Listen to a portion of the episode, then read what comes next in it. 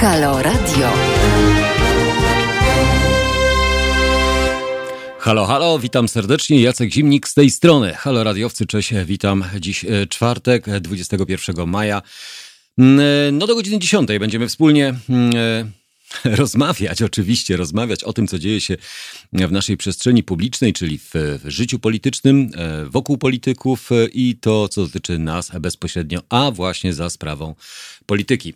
E, Pozdrawiam tych, którzy są na YouTubie, pozdrawiam tych, którzy są na Facebooku, tych, którzy się budzą razem mm, z nami e, od 7 do 10 mm, i porozmawiamy o wyborach prezydenckich i porozmawiamy o tym, co dzieje się wokół poszczególnych ministrów, no i o odmrożeniu gospodarki, które cały czas mm, postępuje, a z drugiej strony mamy mm, kryzys epidemiczny, mm, można by tak było chyba określić, bo e, przyrost mm, zachorowań, e, zakażeń e, jest e, nie mm, spłaszczający się, ale wręcz e, przeciwnie, można byłoby rzec, mamy najwyższe wyniki mm, za, ostatnio, za ostatnie 24 mm, godziny. No, no to to nie jest chyba wcale dobre, to nie są dobre wiadomości, więc mm, chciałbym, żebyśmy mm, nie dawkowali tymi złymi tylko wiadomościami, ale również tymi e, dobrymi. Cześć e, Roman, e, cześć, mm, witam serdecznie, witam i pozdrawiam. Oby y, obyło się bez przymrozku i tak trzymać świętokrzyskie. No, szczerze powiedziawszy, po wczorajszych zapowiedziach Instytutu Meteorologii i Gospodarki Wodnej o tym, że o poranku mogą być temperatury nawet ujemne, to powiem szczerze, że kwiatki z y, balkonów i kwiatki z zewnętrznych przestrzeni to zostały po, przeze mnie pościągane. No, w obawie przed y, właśnie wszelkiego rodzaju przymrozkami. Pozdrawiam również e, tych, którzy są e, na Facebooku. Na Facebooka zaraz e, zerknę. Mm, e, Zobaczymy, mm, e, kto się już obudził i e, jakie tematy przykuwają naszą uwagę. No bo to jest chyba mm, istotne, że rzeczywiście mamy mm, sporo tych e, wątków pojawiających się mm, cały czas wokół polityków i związanych z politykami. Ale rozpoczniemy od pogody. No bo skoro już Roman rozpoczął, że mm, pogoda e, mm, na szczęście e, ładna, bo patrząc za oknami, to rzeczywiście można byłoby rzec, że słoneczko świeci, więc może też i ten dzień będzie zdecydowanie lepszy, a to ze względu na warunki atmosferyczne. Pogoda dziś, na dziś czwartek 21 maja, synoptycy Instytutu Meteorologii Gospodarki Wodnej wydali ostrzeżenie przed przymrozkami dla ośmiu województw na wschodzie kraju. Prognozowane są także silne porywy wiatru. W czwartek meteorolodzy zapowiadają bardzo słoneczny dzień. W kilku miejscowościach pojawią się także niewielkie przelotne opady deszczu. Dziś najniższa temperatura zapowiadana jest na Olsz, dla Olsztyna, Białego Stoku, gdzie będzie kolejno 12 i 13 stopni. Na Pomorzu termometry pokażą 14 stopni. Jeden stopień więcej prognozowany jest w województwach kujawsko-pomorskim, łódzkim, mazowieckim, lubelskim i podkarpackim. Mieszkańcy Krakowa, Katowic, Opola, Wrocławia i Poznania mogą liczyć na 16 stopni. No i oby tych stopni było coraz więcej. Najcieplejszy dzień przewidywany jest jednak mm, w zachodniej Polsce, w Zielonej Górze i Szczecinie będzie maksymalnie 17 i 18 stopni. W czwartek mm, w całej Polsce i przez większą część dnia zapowiadane jest niemal bezchmurne niebo, umiarkowane i małe zachmurzenie pojawi się na wschodzie i w centrum kraju.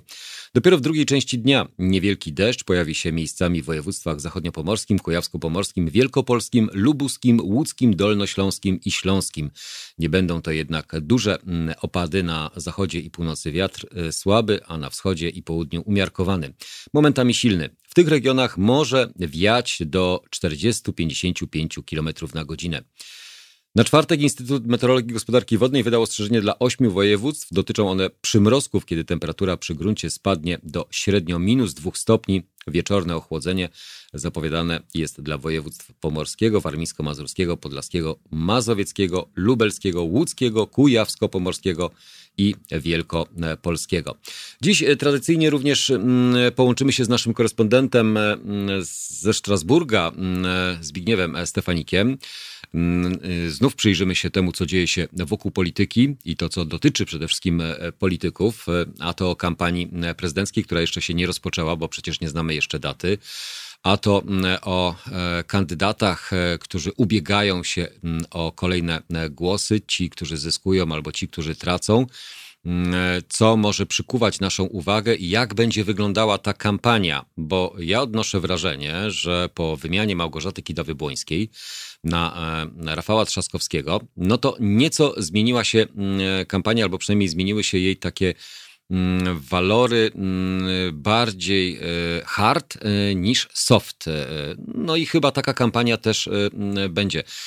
Dominuje przerzucanie się z jednej i z drugiej strony atakami, a to na przedstawicieli rządzących albo prawicowych mediów, na opozycyjnych polityków i odwrotnie przerywają sobie a to konferencje, a to atakują albo wytykają sobie, co kto posiada, albo kto komu ewentualnie mógł pomóc w różnych transakcjach czy w różnych biznesach. Wiadomo, nitka po nitce dochodzimy do jakichś wniosków, ale tylko pytanie, czy to jest tak przed kampanią, przed wyborami prezydenckimi, czy to tak zawsze jest?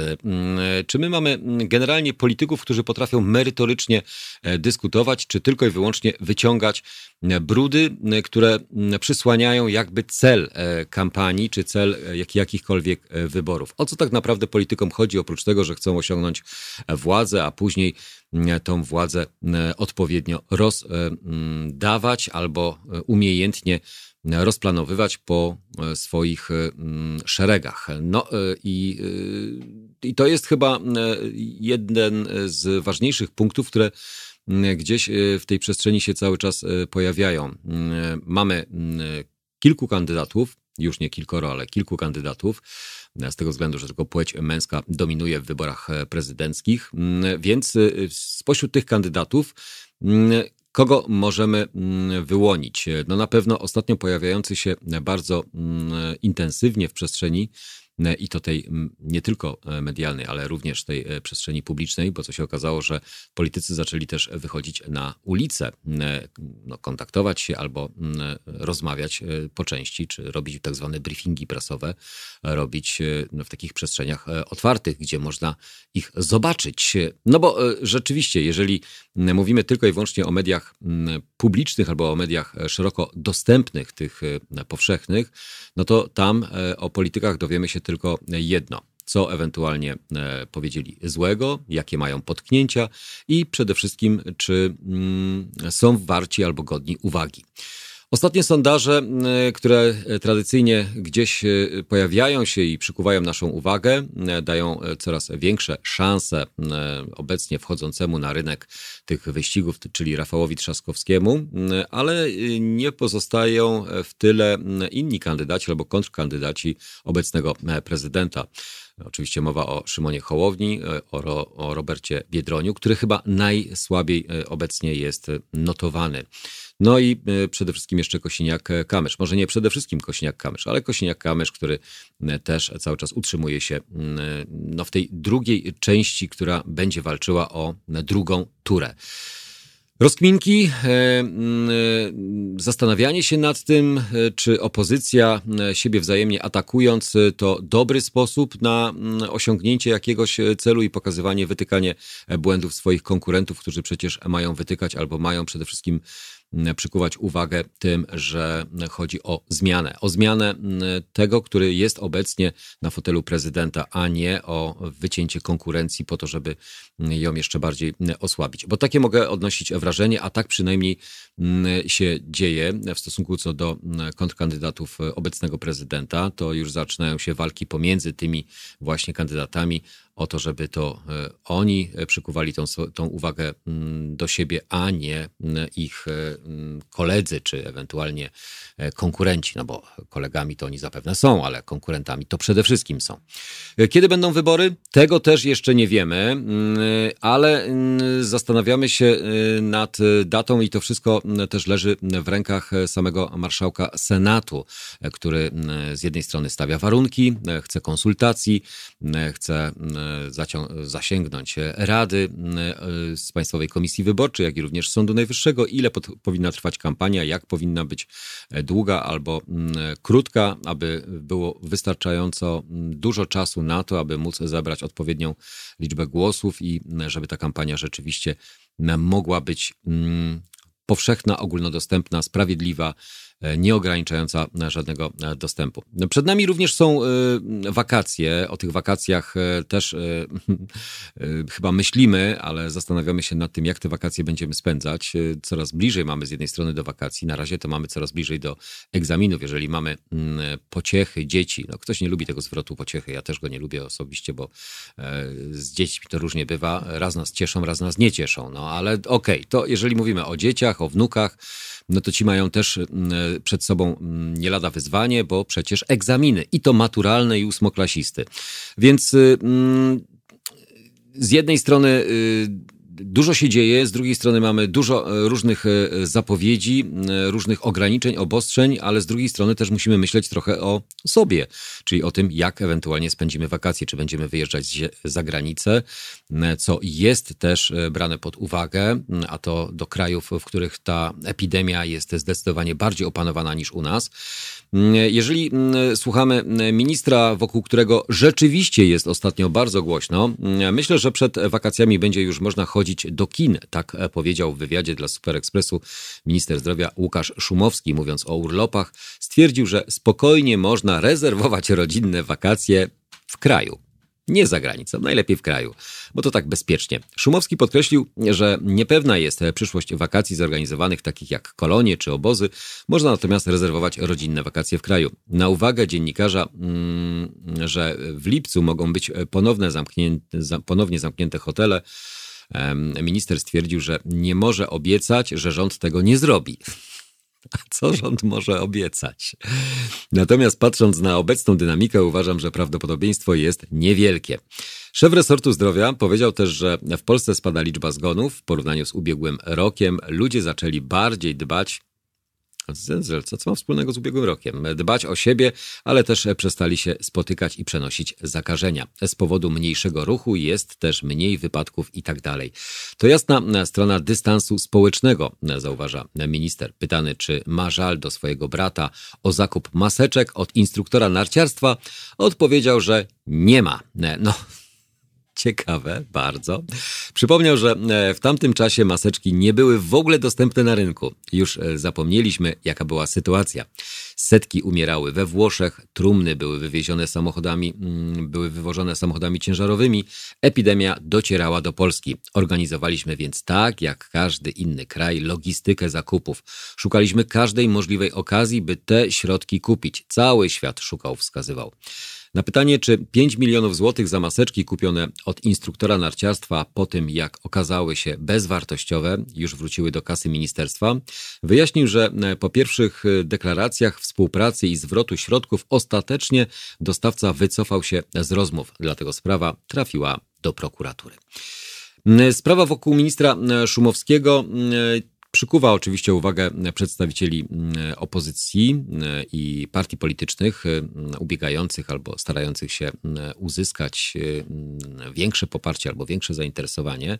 Myślę, że prokuratura powinna się tym zająć i no to, co nas najbardziej boli, boli nas zawsze to, że politycy albo członkowie rodzin wykorzystują no właśnie władzę. Władzę do, mm, ale co byśmy nie powiedzieli, to bez względu na to, który rząd, który, która partia polityczna, to zawsze e, znajdą się tacy, którzy mają znajomych, znajomi mają znajomych, e, a to po nitce, a to e, po różnego rodzaju układach rodzinnych, ciotki, wujkowie i wszyscy inni, jak to kiedyś jeden z polityków powiedział, no przecież gdzieś ktoś musi pracować, tak? No to nie można zabraniać politykom i członkom ich rodzin, aby te no właśnie członkowie tych rodzin nie pracowały na przykład w poszczególnych ministerstwach, jeżeli mają kwalifikacje i są e, robione nabory albo e, wybierani są e, z grona specjalistów ci najlepsi, a nie tylko i wyłącznie dlatego, że nazywają się X czy Y, podobnie jak jeden czy drugi minister. O politykach, o polityce, o wyborach i o tym, co dzieje się i jaka jest nasza przyszłość, nie tylko ta codzienna, ale również w perspektywie kilku miesięcy. Zapewne dziś będziemy rozmawiać do godziny 10. Więc pozostańcie z nami. Pamiętajcie o tym, że nasz numer telefonu można przecież dzwonić 22 39 059 22. Można również do nas pisać teraz małpa halo.radio. Pamiętajcie o tym, że też trzeba nas wspierać. No, oczywiście, jeżeli macie ochotę, bo tylko dzięki Wam e, medium obywatelskie funkcjonuje, a to e, chyba jest istotny e, punkt na mapie informacji, na mapie przekazywania informacji o tym, co dzieje się w kraju i poza granicami. Jacek Zimnik do godziny 10. Halo Radio. To proste. Żeby robić medium prawdziwie obywatelskie, potrzebujemy Państwa stałego wsparcia finansowego. Szczegóły na naszej stronie www.halo.radio, w mobilnej aplikacji na Androida i iOS-a oraz na koncie Fundacji Obywatelskiej w serwisie www.patronite.pl. Naszym darczyniom i darczyńcom serdecznie dziękujemy. www.halo.radio. Słuchaj na żywo, a potem z podcastów. No nie wiem, kochani, jak wy, ale e, robienie porannej kawy e, przy zalanym, e, pełnym czajniku wody, mm, wodą, to trochę czas oczekiwania jest zdecydowanie dłuższy, ale daliśmy radę. Jesteśmy oczywiście. Wybory, wybory, wybory. Terminu jeszcze nie znamy. Marszałek mm, Sejmu też go jeszcze nam nie oznajmiła, to oczywiście w związku z tym, co się dzieje w kwestii Senatu, jak Senat będzie procedował nad ustawą, która pozwoli na wybory mieszane i oczywiście na ponowne, te, na ponowne podejście do tych wyborów. Proponuje ponadpolityczną zgodę wokół wyborów, deklaruje w rozmowie z dziennikiem Gazetą Prawną marszałek Senatu Tomasz Krocki. Przyznaje, że jest możliwe, że ustawa wyjdzie z Senatu w przyszłym tygodniu. Świat staczy, stawia jednak E, uwaga, szereg warunków. Dotyczą one m.in. właśnie kwestii zbierania podpisów, finansowania kampanii i włączenia PKW w decyzję o korespondencyjnej formie wyborów. Opozycja nie zgadza się, by taką decyzję samodzielnie mógł podjąć minister zdrowia. Wczoraj w Senacie, czy przedwczoraj w Senacie omawiano propozycję poprawek do ustawy dotyczącej właśnie wyborów. Przedstawiciele PiSu utrzymują, że data 28 czerwca będzie obligowała kalendarz wyborczy. Marszałek Senatu mówi mm, o postulatach. Mm, Grocki proponuje, by kandydaci jeszcze raz zebrali 100 tysięcy podpisów nie mowa, znaczy nie mówimy o tym, żeby te podpisy, które były już zebrane, tylko żeby jeszcze raz wszyscy kandydaci mieli możliwości równego startu, a nie tylko i wyłącznie Rafał Trzaskowski, który by musiał nadrobić te wszystkie straty. Powinno być na to zagwarantowane od 10 do 14 dni. Czy taka poprawka będzie, zdecydują oczywiście senatorowie, zaznacza. Z jednej strony to jest dobre rozwiązanie, z drugiej strony to oczywiście e, budzi mm, wielkie obawy, a to w związku z tym, że ograniczona możliwość e, dotarcia do wyborców czy do, do poszczególnych przedstawicieli elektoratów e, czy partii politycznych zdecydowanie będzie trudniejsza, ale myślę, że te 100 tysięcy, jeżeli się politycy mm, no, wezmą do pracy, to może się uda im e, pozbierać e, w dość, nazwijmy to, przystępnym e, terminie, czyli mowa o tych dwóch tygodniach. Marszałek podkreśla również, że Senat cały czas pracuje, zwołane są komisje. Grodzki ma w planie spotkanie właśnie z szefem Państwowej Komisji Wyborczej. Chce też zapytać Sąd Najwyższy o czas, którego potrzebuje, by stwierdzić ważność wyborów.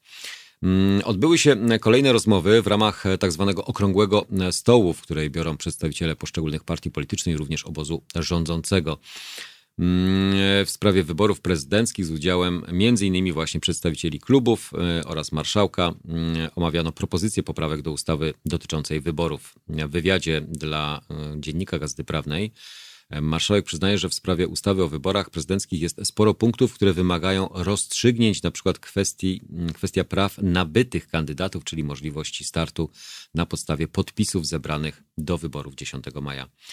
Musi być zagwarantowany stosowny, zgodny ze zdrowym rozsądkiem, przyzwoity i sprawiedliwy czas na zebranie podpisów przez ewentualnych nowych kandydatów. Pytanie, czy ci starzy nie powinni też tego zrobić? Nie stałoby się nic złego, gdyby wszyscy kandydaci musieli ponownie zbierać podpisy, o ile dostaną na to stosowny czas. Ale czy taka poprawka będzie, mm, jak zdecydują senatorowie, trudno mm, powiedzieć, e, mówi marszałek Senatu. Mm, w Zdaniem Grodzkiego problem stanowi też kwestia finansowania kampanii.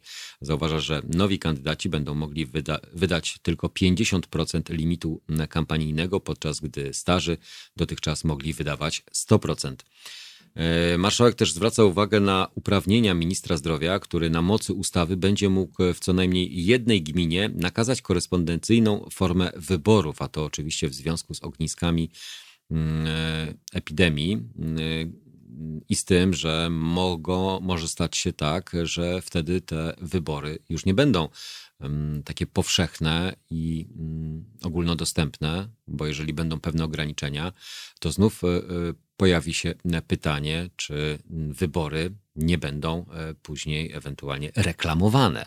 Mm, tak nie powinno być. O tym powinna decydować Państwowa Komisja Wyborcza na wniosek ministra, a jeśli sytuacja epidemiczna na danym obszarze byłaby rzeczywiście trudna, to należałoby na przykład zamknąć tam wszystkie restauracje, wyposażyć komisje wyborcze w dodatkowe środki ochrony osobistej, czy zarządzić, e, że do lokalu wyborczego może wejść i tylko jedna osoba.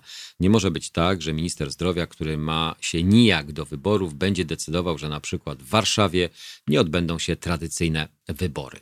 No, bo e, nagle będziemy mieli przyrost e, zachorowań czy wskaźniki e, będą zdecydowanie większe niż w poprzednich e, okresach. E, ustawę w sprawie wyborów prezydenckich w 2020 roku Sejm uchwalił we wtorek 12 maja. Zakłada ona, że w tych wyborach głosowanie będzie odbywać się w lokalach wyborczych, ale będzie też możliwość głosowania korespondencyjnego. Ustawa 13 maja trafiła do Senatu, który ma na jej rozpatrzenie ustawowe 30 dni. W czwartek e, ustawą e, zajmą się e, trzy senackie komisje: ustawodawcza, praw człowieka, praworządności i petycji oraz samorządu terytorialnego, czyli dziś, i administracji państwowej. Grodzki przyznaje, że jest możliwe, że ustawa wyjdzie z Senatu w przyszłym tygodniu. Kluczową są posiedzenia komisji na których zawsze pojawiają się ciekawe opinie i osądy. Jeżeli zagwarantowane będzie 10, te 14 dni, czyli dwa tygodnie na zbieranie podpisów, a żeby to osiągnąć, Senat musiałby odesłać Sejmowi ustawę 27-28 maja. To wszystko jest możliwe. Zdaniem Grodzkiego Senat wprowadzi poprawki gwarantujące minimalną długość terminów wyborczych, a także te dotyczące praw nabytych kandydatów czy finansowania kampanii. Kluczem jest to, by wokół poprawek Mm, choćby tych e, mm, e, najważniejszych, gwarantujących w pełni demokratyczne wybory, była ponadpolityczna zgoda. Nikt nie chce, by mandat nowo wybranego prezydenta był podważany. Musimy głosowa e, głosowaniu nadać wszystkie cechy wyborów demokratycznych oraz zapewnić, by wyniki Wynik odpowiadał woli narodu, a będzie to szalenie trudne, bo galimatias prawny, który wywołał mm, nieroztropna decyzja PiSu o wyborach korespondencyjnych, powoduje, że balansujemy na cienkiej linii, mówi marszałek Senatu. A z nami e, jest. E, któż tam jest, panie Piotrze? Roman. O, panie Romanie. Dzień dobry, cześć, witam. Witam. Na początku tak, przepraszam, tak wtrąciłem się, ale ostrzegłem pana, że to też szkodzi te elektroniczne papierosy. Panie Romanie, szkodzi to nam generalnie wszystko, co nas otacza. No, może nie tak wszystko. Ja akurat jestem w takim miejscu, gdzie e, to ja, panie. Panie Romanie, to ja mam pytanie, e, bo wiadomo jak to e, mówią klas, klasycy, albo jak mówią bardzo znane osoby, Beata Tyszkiewicz powiedziała, trzeba mieć jakieś uzależnienie, żeby móc z niego zrezygnować ja wychodzę z innego założenia, że jeżeli mam umrzeć, to umrę, umrę z dudów, a nie na chorobę. no to Ale, ja myślę, że się nie, myślę, że ostatnio nie mamy czasu na to, żeby się nudzić. Chyba tak. No, zwłaszcza ja się nie nudzę, bo mieszkam e, na wsi. Znaczy mieszkałem całe życie w mieście, a mieszkam od 20 lat na wsi i akurat tu się nie nudzę, bo znalazłem tutaj coś ciekawego. Ale wracając do, do, do, do tematu bo tak słucham tej, tych pańskich wypowiedzi i my tak przeszliśmy już do porządku dziennego nad tym, e, co tam e, Senat uchwali, co tam pani marszałek, ale od początku do, do końca wszystko jest to już w tej chwili bezprawne. Tak, zgadza się. Ja też jestem tego zdania. Wczoraj, wczoraj słuchałem takiego fajnego wykładu pani profesor Płatek, to chyba sprzed trzech dni czy czterech. I ona tam genezę yy, tej naszej sytuacji wyłożyła i to się zaczęło od 2000, w 2013 roku, kiedy uchwalono to tak, tak zwaną ustawę o bestiach. Mhm. Kiedy to bezprawnie ludzi, którzy odbyli wyroki, yy, zamknięto ponownie. I wtedy yy, Sejm rękami platformersów i wszystkich właściwie doszedł do wniosku, że bezprawnie można tych ludzi dalej przytrzymywać. Później była następna ustawa o odpowiedzialności zbiorowej, czyli zabraniu tych 20% y, emerytur służbom mundurowym z PRL-u, a teraz się wszyscy dziwią, że nagle pisowcy przewracają konstytucję do góry nogami. A to się zaczęło w tamtym momencie i to jest tak, jak można było mniej, to teraz można już więcej. I w tej chwili nie dyskutujemy o tym, że to jest wszystko bezprawne, bo e, w tej chwili żadne wybory praktycznie nie mogą być zgodne z prawem, ponieważ konstytucja wyraźnie mówi, że 6 miesięcy przed planowanymi wyborami nie wolno zmieniać jakiegokolwiek prawa, e, jeżeli chodzi o sposób i, i tryb przeprowadzania wyborów. A w tej chwili już nie dyskutujemy o tym, co jest zgodne z prawem, czy nie, tylko jak my to zrobimy. Czyli niejako usankcjonowaliśmy i dziennikarze to czynią e, za politykami. E, deliberujemy nad tym, jak to prawo lepiej złamać, czy gorzej złamać. Ale to panie Romanie, to ja mam takie pytanie, e, bo jeżeli jesteśmy świadomi tego, że e, jest e, no, naruszenie konstytucji, to to, co cały czas mówiliśmy tuż przed wyborami 10 maja, bo ja już nie wspomnę o tamtych ustawach, które rzeczywiście naruszały ograniczenie praw obywatelskich, naruszenie praw przyznanych, czyli jeżeli już coś raz otrzymujemy, to prawo wstecz nigdy nie powinno funkcjonować, nie powinno działać. To teraz, jeżeli mówimy o wyborach, które no, są jakby tym mm, punktem zapalnym teraz, to to, co było mówione, czyli wprowadzenie stanu nadzwyczajnego, by y, tą sprawę rozwiązywało.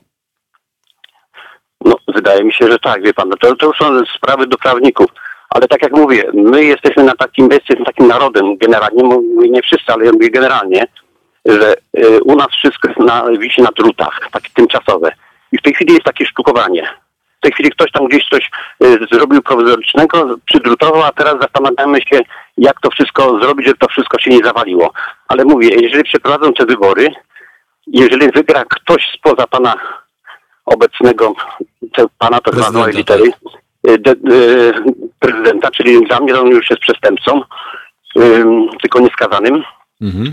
to jeżeli ktokolwiek wygra inny, to zawsze widzi pan Kaczyński, i powie, że to jest niezgodne z konstytucją, no bo to od początku do końca nie będzie już zgodne. I zawsze można te wybory podważyć, więc on wszystkich trzyma za tak zwany pysk. Co chce, to zrobi. Znam takich historii gości, którzy tak y, trzymali za twarz.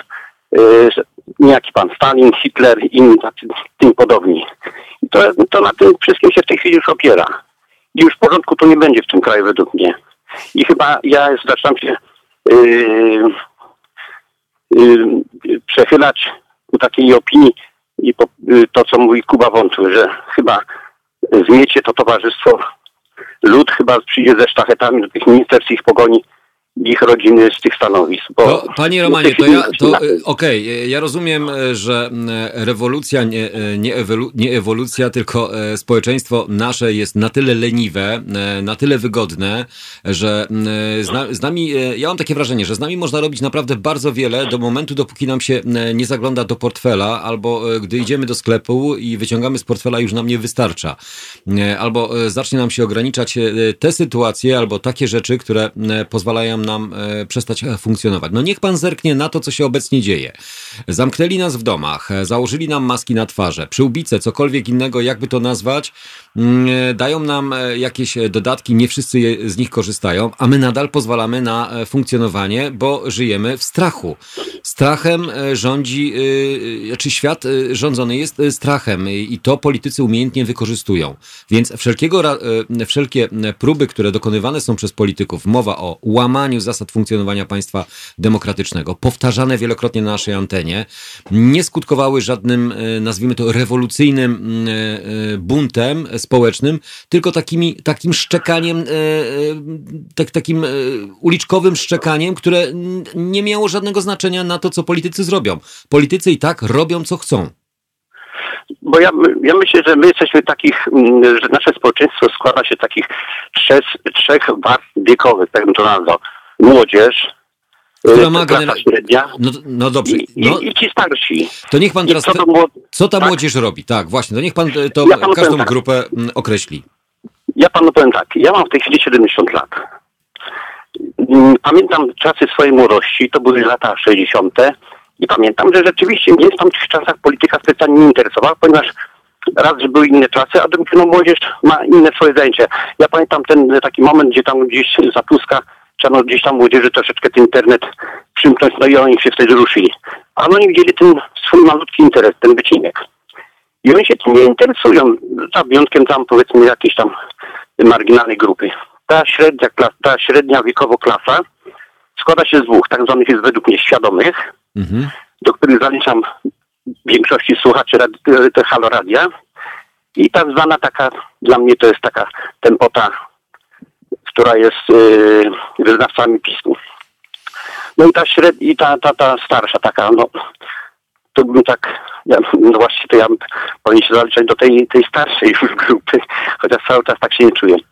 A ci starsi, no to, ale to dla mnie to są już ci tacy ludzie, którzy wychowali się w PRL-u, mają tylko tak zwaną szczujnię i to, co im się tutaj w tej szczujni powie, to oni w to wierzą. No bo tak jak mówię, nawet kłamstwo powtarzane 100 razy staje się prawdą, a dla niektórych ludzi to nawet raz to wystarczy powiedzieć, oni w to wierzą. I to jest ta trzecia grupa. I teraz tak się zastanawiam, która grupa się ma ruszyć.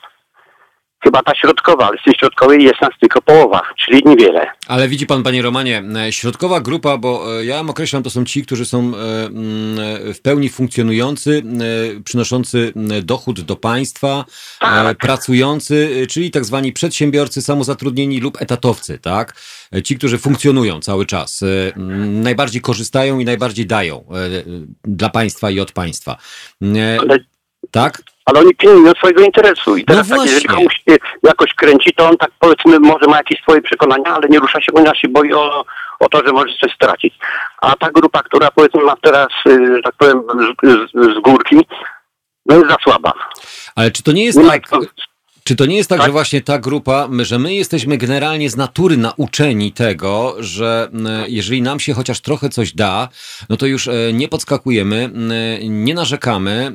Ta grupa świadoma, czyli ta e, protestująca, e, no jest e, na czele tego, e, nazwijmy, niezadowolenia, ale e, ci pozostali to tak, tak jak pan mówi, no przyglądają się, no wcale źle tak nie jest, a tu dostanę 500, a tu dostanę 300, a to może mi jakieś postojowe wypłacą, a to może bezzwrotną pożyczkę dostanę, mm, a to y, zamiast y, pracować, to pracodawca mi wypłaci część y, wynagrodzenia. No jakoś to będzie, tak? Te słowo jakoś to będzie, mm, to szczerze powiedziawszy, mm, przewija się już wielokrotnie u wszystkich, a żeby ruszyć się, czy ewentualnie zadeklarować e, chęć tego, że chcemy jakichś zmian, no bo na co, na co my to zmienimy? Jeżeli nawet chcemy tych zmian, to na kogo, na jaką partię, czy na co Właśnie. zmienimy? To tu jest właśnie ten dylemat, że tutaj specjalnie nie ma na kogo.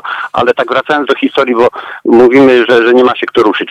I przywołuje się lata, że, że ten ruch Solidarności. Ale ten ruch Solidarności był oparty na jednych fundamentach. Tam była przede wszystkim yy, yy, ta baza yy, ludzi, którzy pracowali w tak zwanej państwowej strefie. Właściwie to było 90% chyba wtedy. I wtedy można było ich pociągnąć, prawda? A w tej chwili, no tak jak mówię, jesteśmy rozdrobnieni, bo każdy sobie rzepkę skrobie. Ale panie kłopot. Romanie, patrząc na e, ten rys historyczny, wtedy walczyliśmy, albo wtedy walczono e, z tak zwanym wrogiem zewnętrznym, który był u nas wewnątrz, tak? A teraz e, walczymy jakby między sobą o, na różnice poglądów albo światopoglądów, czyli jedni są za liberalizacją, inni są za, za zaostrzeniem, inni są za kościołem, za państwem świeckim, więc takie te podziały są już, nie są takie wyraziste i nie są takie ostre, więc e, każda partia to umiejętnie wykorzystuje. Z jednej strony ci, co mogą, to dają, a z, dru a z drugiej strony ci, co nie mogą, no to krzyczą, że za, To dają. mają dać. To mają tak, że, to że, będą. że będą dawać, będą dawać więcej, nie będą zabierać, a jeszcze będą e, wyciągać konsekwencje wobec tych, którzy e, roztrwonili e, tą gospodarkę i doprowadzili do takiej sytuacji, jaka jest. No niech pan wyjrzy na ulicę. Czy m, u nas wygląda teraz no fatalnie źle w porównaniu do tego, co było lat 20, 30 lat temu? No żyjemy inaczej, żyjemy inaczej, funkcjonujemy inaczej, ale to nie znaczy, że nie chcemy żyć jeszcze lepiej. A zgadza się, to jest ten konsumpcj- konsumpcjonizm, ale, ale mówię, no, y, jeżeli ktoś jest świadomy, to go troszeczkę uwiera, że, że nawet mówię z tymi maseczkami. Mnie to na przykład uwiera, że, że ktoś mi coś nakazuje i jeszcze bezprawnie, prawda? Mhm. I w tej chwili się nie zastanawiamy, czy, czy, czy, czy, y, czy ktoś ma rację, czy nie, tylko no, ścigają nas za jakieś tam powiedzmy maseczki, ale maseczki to jest ten, ten drobny wycinek, bo nikt nie zauważa tej dużej, tych dużych y, problemów, czyli konstytucja i tak dalej. Ale, Ale, każdego- panie, ale panie Romanie, bo ja nie znam odpowiedzi na to pytanie, które panu zadam, ale y, cały czas mi się pojawia w głowie i nigdy tego do- jakoś nie sprawdziłem. Czy pan minister Szumowski kiedykolwiek y, odpowiedział, dlaczego on nie y, chodzi w maseczce i y, na każdej konferencji nie występuje w maseczce, skoro wszyscy inni to y, robią i czynią? Czy on ma jakąś y, chorobę, czy ma jakieś zaświadczenie, które go upoważnia do tego, żeby nie chodził w maseczce, skoro nam każe chodzić? Ponoć brat mówił, że jakby cię złapali, y, że maski, ja mówię przede wszystkim bym się nie bał tego, to znaczy to jest troszeczkę tylko takiego ciągania się po sądach, ponieważ to jest bezprawne, ale mówi, że można powiedzieć, że jeszcze ma jakąś chorobę, że problemy z oddychaniem. Być może, że on ma problemy z oddychaniem. Ale wracając do pana Szumowskiego, tak kiedyś się dziwiłem, dlaczego on, profesor, y, wykształcony gość, zadaje się z tym towarzystwem. W tej chwili się już nie dziwię, bo jeżeli tam się przewraca milionami, to on wie, dlaczego tam jest i dlaczego ma podkrążone oczy. Więc on ma w tym interes. A dlaczego w maseczce nie chodzi? No bo, no nie wiem. To No, ktoś, ktoś, ktoś napisał, e, Anatol u nas napisał, ma wiedzę. Ma wiedzę, dlatego nie chodzi.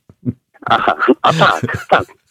No, no bo jak y, ja troszkę słuchałem o tej, o tej pandemii, więc też mam takie przekonanie, że ta maska to niewiele daje. No, no on ma tą wiedzę, ponieważ jest lekarzem i, i ma tam gdzieś tam doradców, fachowców, no ale oni to robią tak, jak im pasuje, a nie tak, jak powiedzmy pasuje ludziom. Ale dobrze, panie Romanie, jeszcze nawiązując do tych trzech grup, trzech warstw społecznych, y, y, które mm, y, no, funkcjonują w naszej przestrzeni. E, Czy jest ta grupa taka, która rzeczywiście może mm, wywołać albo spowodować pewną zmianę? e, No w mentalności to tylko ludzie młodzi, bo ludzie niestety z tej trzeciej grupy mentalnie się już nie zmienią. E, Ja zawsze mówię, że najpierw musi nastąpić wymiana pokoleniowa, żeby, żeby nastąpiła zmiana ment- mental- mentalnościowa. Mm, e, Więc, i- więc która grupa e, według Pana e, może doprowadzić do jakichkolwiek e, e, zmian albo e, no, tej może nie rewolucji, bo tak jak Pan mówi, Kuba mówi rewolucja, trzeba z, ze sztachetami wyjść, to wtedy pogonić wszystkich, tylko Znaczy jakoś... nie, on, on, nie, nie on, on tego nie mówi, on, on tylko tak prognozuje. on do, do niczego nie namawia, ja to wiem. Ale ja panu powiem, e, nie mam, nie mam na to odpowiedzi. Natomiast e, mam taką, taką, takie przemyślenia i myślę, że są bliskie prawdy, że jeżeli opozycja kiedykolwiek im się uda wygrać, jeżeli będzie mądra, położyć e, duży, bardzo duży nacisk na kształcenie, na Edukację. kształcenie ludzi w szkołach podstawowych, średnich, na temat praworządności. I ja wam jeszcze coś innego powiem. Słucham Halo Radia i to tak dosyć długo. Znaczy, słucham od początku, jeszcze wcześniej Kuby słuchałem, a teraz nawet mam taką pracę, znaczy pracę, no jestem takim troszeczkę półrożnikiem i cały czas noszę z sobą powiedzmy ten telefon i odsłuchuję tych audycji i, bardzo mi się to podoba. I mówię, wy macie taki dosyć duży wpływ chyba na tych młodych poprzez to, że tworzycie taką ciekawą, y, ciekawy, ciek, ciekawe radio. Tam każdy może coś sobie znaleźć. Nawet ta muzyka jest bardzo fajna. To, mówię, tutaj jest taki, taki, to nie jest może jakaś szeroka skala, ale jest taki moment, że można tu jakoś tych swoich ludzi wychowywać. Panie, panie, a panie Romanie, ma pan, dos, ma pan 100% e, racji z tego względu, że gdybyśmy byli dużym medium e, albo jakimś e, korporacyjnym takim molochem, to pewno inaczej byśmy funkcjonowali, a właśnie tworzy się zazwyczaj coś od małych form do dużych, więc im będzie nas więcej osób, im większą będziemy mieli możliwość do, do, docierania, a nie będziemy się zmieniać, bo będziemy cały czas tacy sami, bo chodzi o to, żeby właśnie, bo co, bo kto tworzy radio? Tworzą radio ludzie, ludzie tworzą radio. To samo można było powiedzieć o Trójce, o Polskim Radiu programu trzeciego, że to jest tylko i wyłącznie budynek, który ma anteny e, i e, nadaje, ale e, cała, nazwijmy to, wartość dodana tego medium, to to są ludzie, którzy, y, no teraz okej, dobra, odchodzą, pewno przejdą do nowego projektu Woj, Wojciecha Mana, bo taki też będzie cel, ale wykorzystywane jest to politycznie. Ja mówię tak, mm, mam takie takie doświadczenie, takie mieszane uczucie, jeżeli chodzi o to wasze radio, bo mam trochę znajomych i próbuję, czy rodziny, i próbuję jakoś ich tam gdzieś zachęcić do tego. Ale no, są pewne problemy, ale mówię, jeżeli ktoś już raz zacznie słuchać, to, już znajdzie coś zawsze dla siebie i, i to jest właśnie to.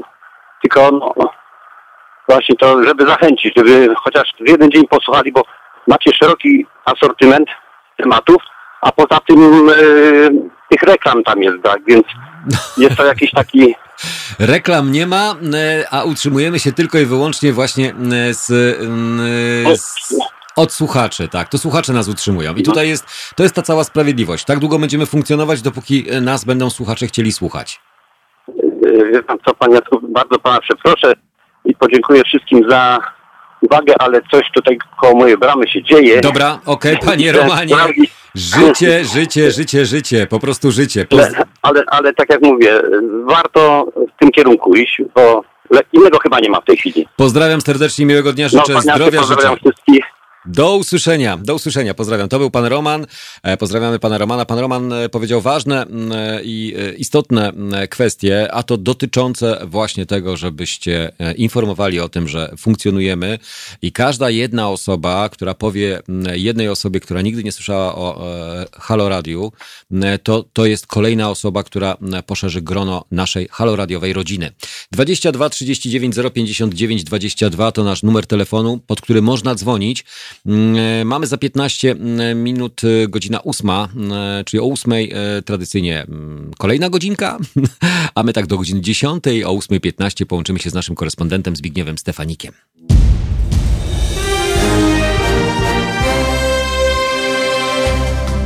Halo Radio. Pierwsze medium obywatelskie.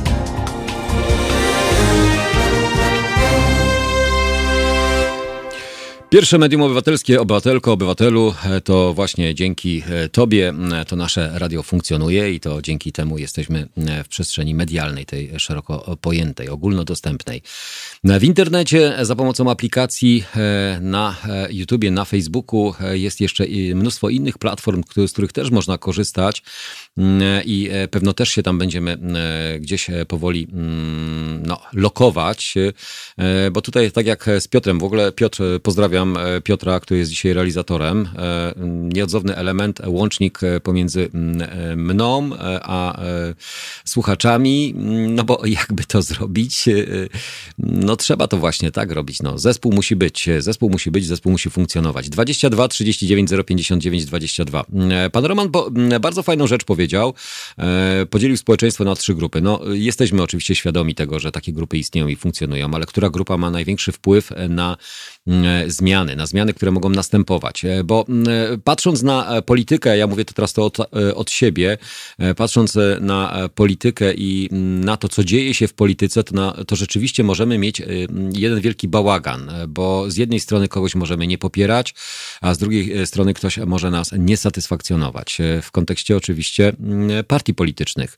E, Za mało jest e, takich e, tworów politycznych albo funkcjonujących w przestrzeni, mm, mm, partii, które, z którymi moglibyśmy się mocno identyfikować. E, zazwyczaj mm, mówi się o mm, rewolucyjnym podejściu, czyli szybkich zmianach, e, które miałyby przynieść jakiekolwiek efekty, ale to niestety, e, patrząc z praktyki, jest rzeczą niemożliwą. Mówimy o sprzeciwie, mówimy o buncie, mówimy o tym, że wtedy ruszymy się, czy ewentualnie wtedy zaczniemy funkcjonować albo być bardziej świadomi, e, kiedy e, zacznie nas coś dotykać. No to e, jest doskonały przykład tego, że nas dotyka. Dotyka nas epidemia, pandemia, dotyka nas skala bezrobocia, skala zamknięć firm, przedsiębiorstw.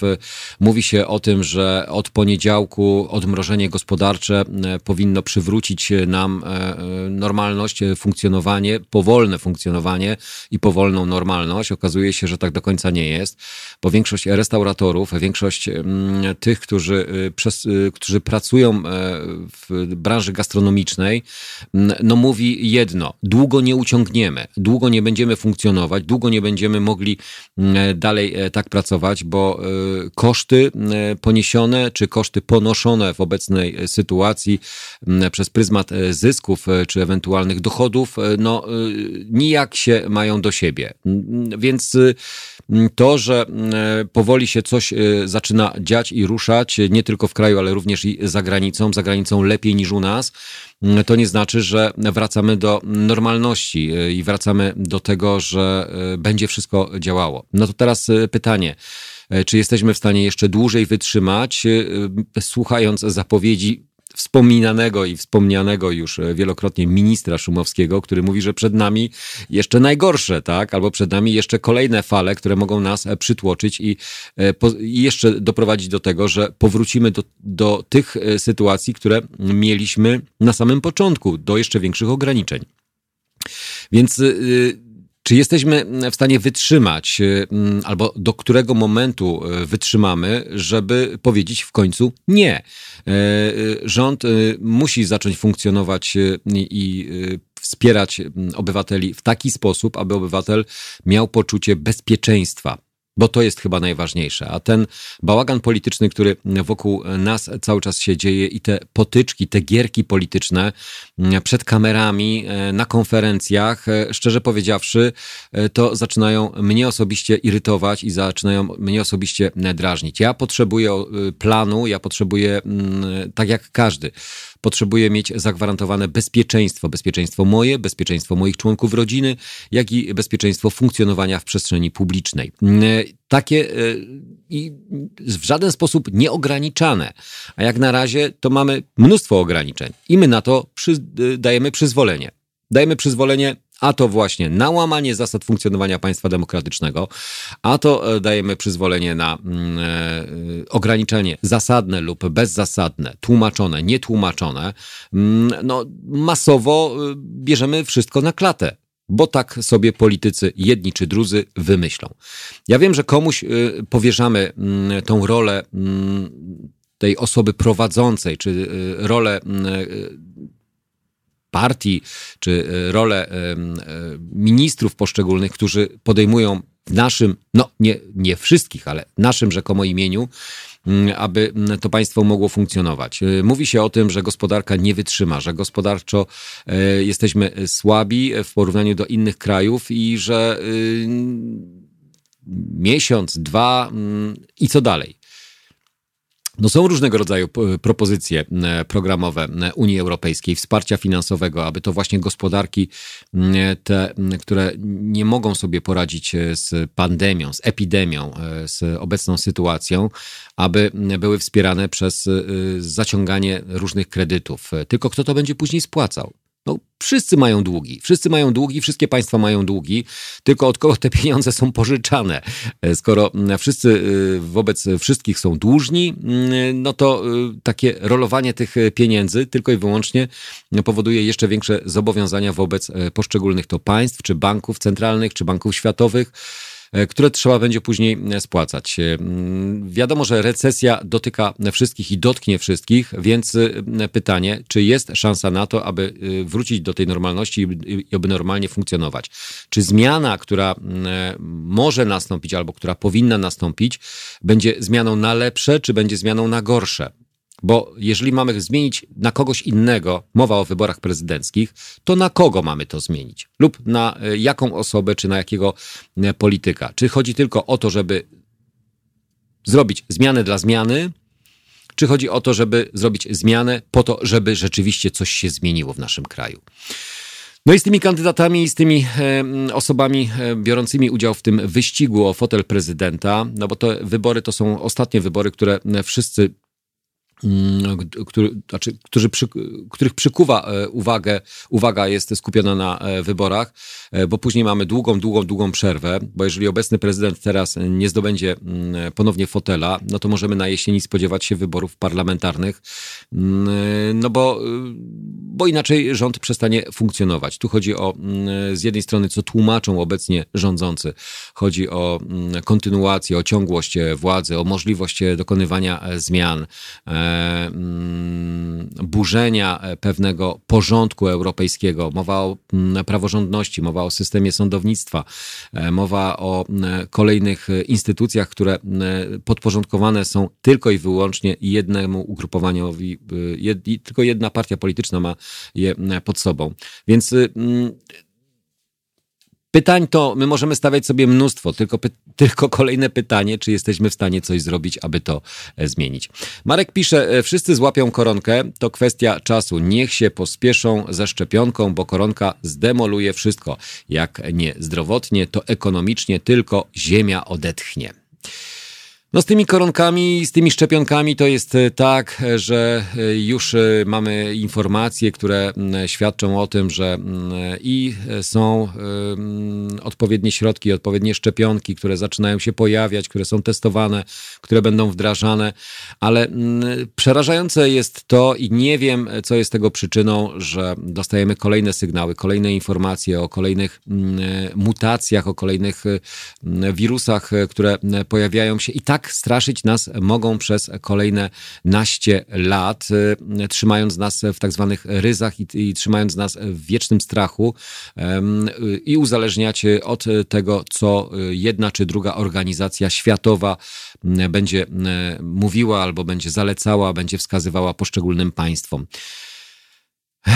Z jednej strony mógłbym powiedzieć, e, bądźmy ostrożni, żyjmy ostrożnie, a z drugiej strony nie dajmy się zwariować, bo mm, e, trzeba normalnie funkcjonować. E, nie jedna choroba, która pojawiała się w przestrzeni publicznej, mm, nie była tak rozdmuchana jak ta, która jest obecnie. Ja nie jestem sceptyczny, ja nie jestem osobą, która sprzeciwia się wobec tego, co wszyscy mówią w koło, specjaliści, ale wątpliwości cały czas u nas się pojawiają. Patrząc na ulicach, chodzimy w maseczkach, jeżdżąc środkami komunikacji miejskiej, widzimy, że ludzie z jednej strony są ostrożni, ale z drugiej strony o tą ostrożność absolutnie nie dbają.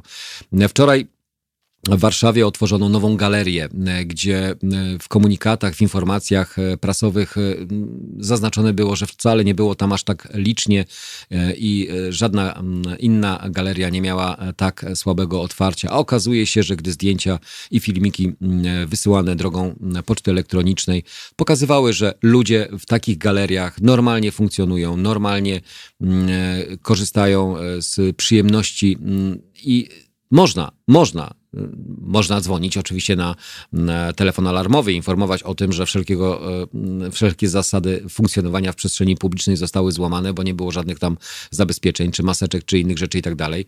No ale z drugiej strony też y, musimy jakoś y, odreagowywać.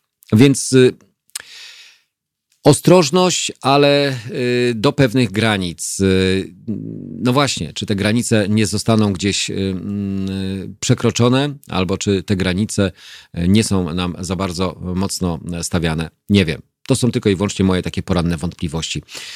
E, no właśnie, skoro mówimy o wątpliwościach, e, godzina 8.01, za chwileczkę będziemy łączyć się z naszym korespondentem Zbigniewem Stefanikiem o polityce, o politycznych gierkach, e, o politycznym wyścigu, o tym, co dzieje się u nas w kraju, o wyborach prezydenckich. Już za chwileczkę będziemy rozmawiać. Porozmawiamy również o,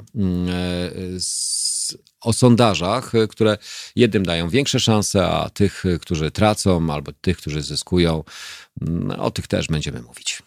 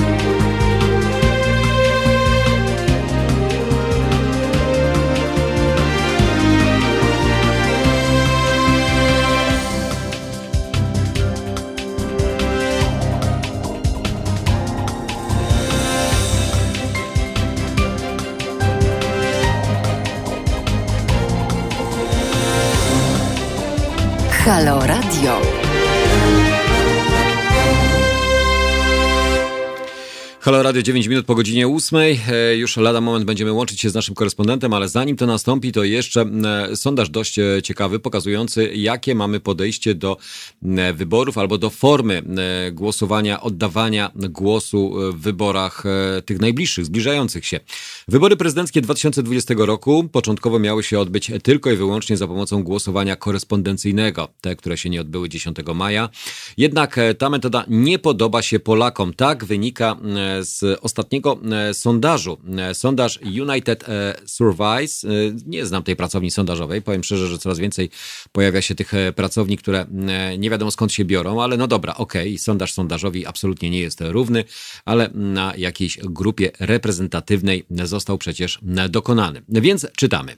Został przeprowadzony dla RMF FM i Dziennika Gazety Prawnej i tutaj aż 45,7% osób preferuje, by wybory odbyły się tradycyjnie, czyli no, zbliżamy się do mm, tego, że e, połowa, prawie połowa, prawie połowa. Mm, e, przy założeniu, że z wyjątkowych przypadków głosowanie powinno odbyć się korespondencyjnie.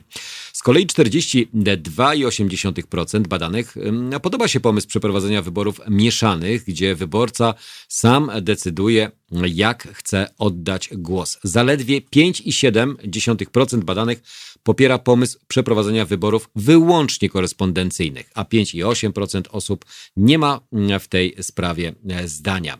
Przypomnijmy, wybory 2020 roku w trybie korespondencyjnym miały się odbyć 10 maja. Tak się jednak nie stało. W dniu wyborów Państwowa Komisja Wyborcza przedstawiła uchwałę, w której stwierdza się, że nie było możliwości głosowania na kandydatów. E, ja nie wiem na jakiej podstawie.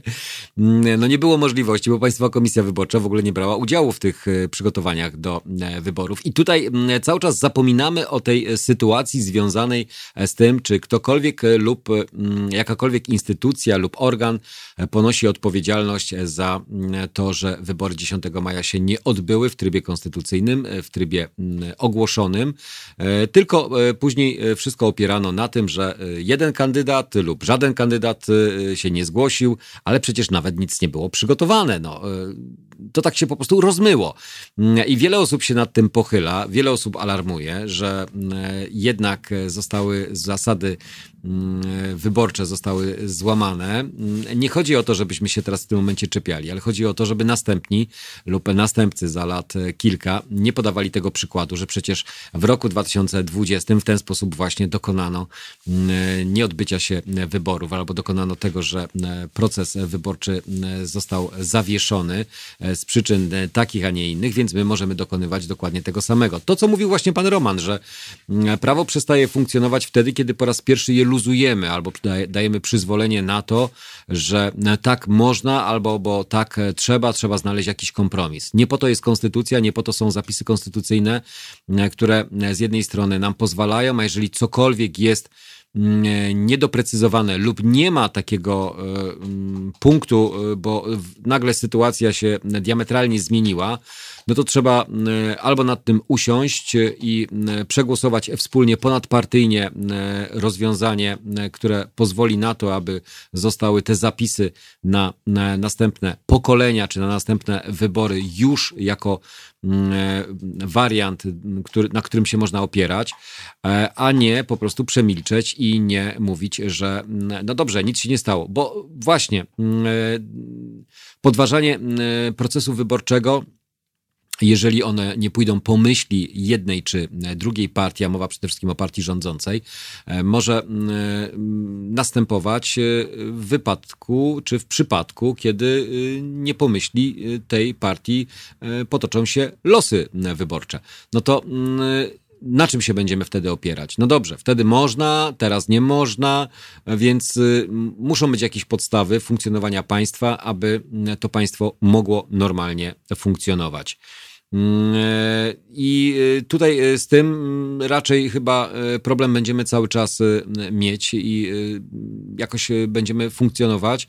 No bo niestety, do momentu, dopóki nie będziemy mieli twardego gruntu i podstaw, które będą przestrzegane przez nas wszystkich i przez tych, którzy decydują, podejmują decyzje, a mowa oczywiście o instytucjach ustawodawczych, wykonawczych i sądowniczych, no to nie będziemy czuć się bezpiecznie, nie będziemy czuć się pewnie.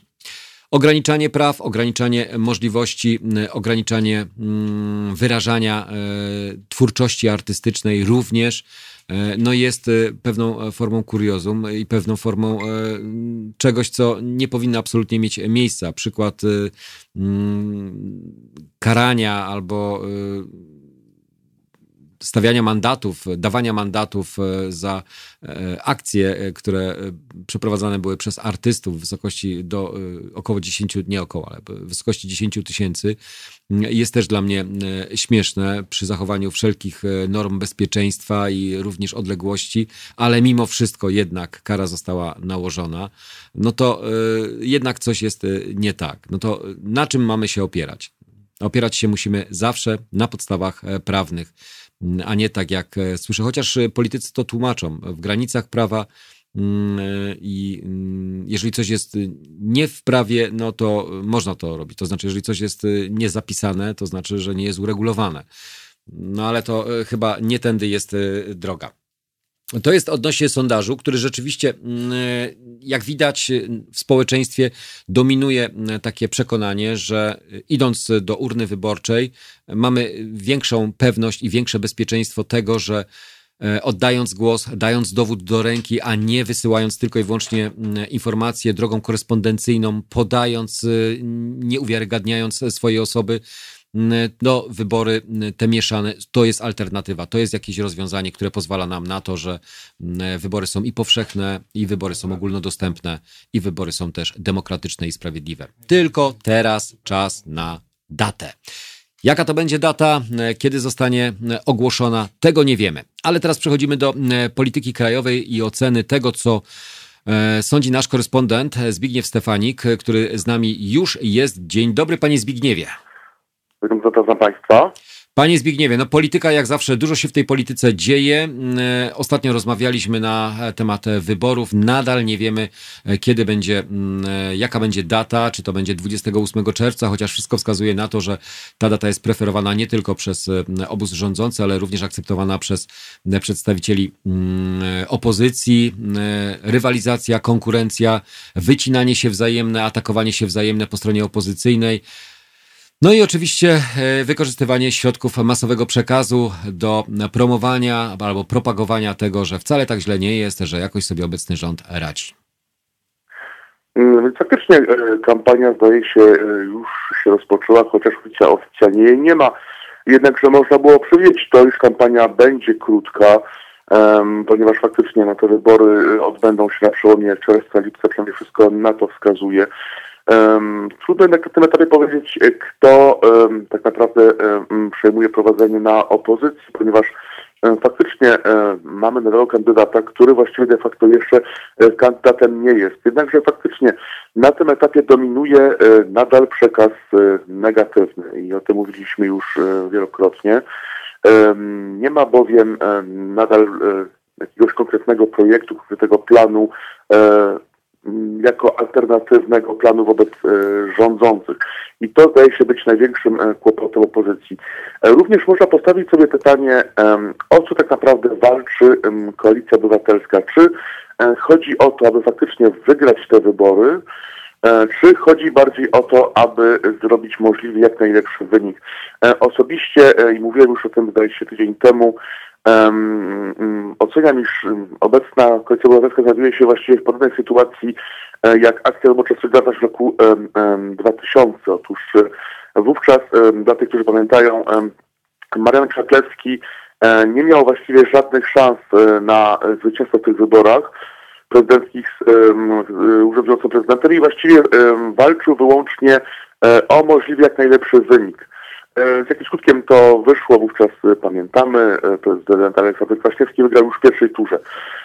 Pytanie więc, jak będzie tym razem? Tutaj zdaje się to być nieprawdopodobne, ponieważ jest kilka kandydatów, tak więc zdaje się, iż zwycięstwo pierwszej turze Andrzeja Dudy właściwie staje się coraz, coraz mniej prawdopodobne. Jednakże faktycznie Osobiście stawiam pytanie o tak naprawdę walczy Koalicja Obywatelska, ponieważ jak mówiliśmy w zeszły, zeszły poniedziałek, pan Trzaskowski jest kandydatem, który można ocenić jako osoba reprezentująca establishment partyjny. E, I trudno go tutaj e, zaszeregować jako prawdziwy samorządowy, taki de facto e, niezwiązany, czy też niezwiązany z partiami, no, który mógłby faktycznie zawalczyć skutecznie o wyborcę no nie tylko w mieście stołecznym, ale właśnie w, gdzieś dalej w Polsce, czyli na przykład w Zgorzelcu czy w Chubieszowie, w Słubicach, we Wrocławiu, w Katowicach, no tam, gdzie tak naprawdę nie kwestie związane z miastem stołecznym dominują, tylko właśnie kwestie związane z życiem codziennym Polaków.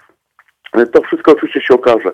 Kampania przed nami, jednakże faktycznie tutaj elementy negatywne dominują i w mojej opinii nie kolejne afery e, związane z obozem rządzącym e, zmienią ten wynik, ponieważ jeśli spojrzymy na wynik wyborów parlamentarnych, to tak zwany Banaś Gate no właściwie nie wpłynął na ten wynik w jakoś sposób. Ale panie Zbigniewie, gdybyśmy mieli teraz e, tak e, zadać pytanie naszym słuchaczom, czy są w stanie wymienić przynajmniej kilka punktów każdego kandydata e, programu wyborczego albo programu, który oferuje Polakom po wygranych wyborach prezydenckich, które będzie forsował, bo wiadomo, że prezydent ma możliwości E, przedstawienia swojej ustawy, propozycji, która będzie rozpatrywana przez e, e, parlament.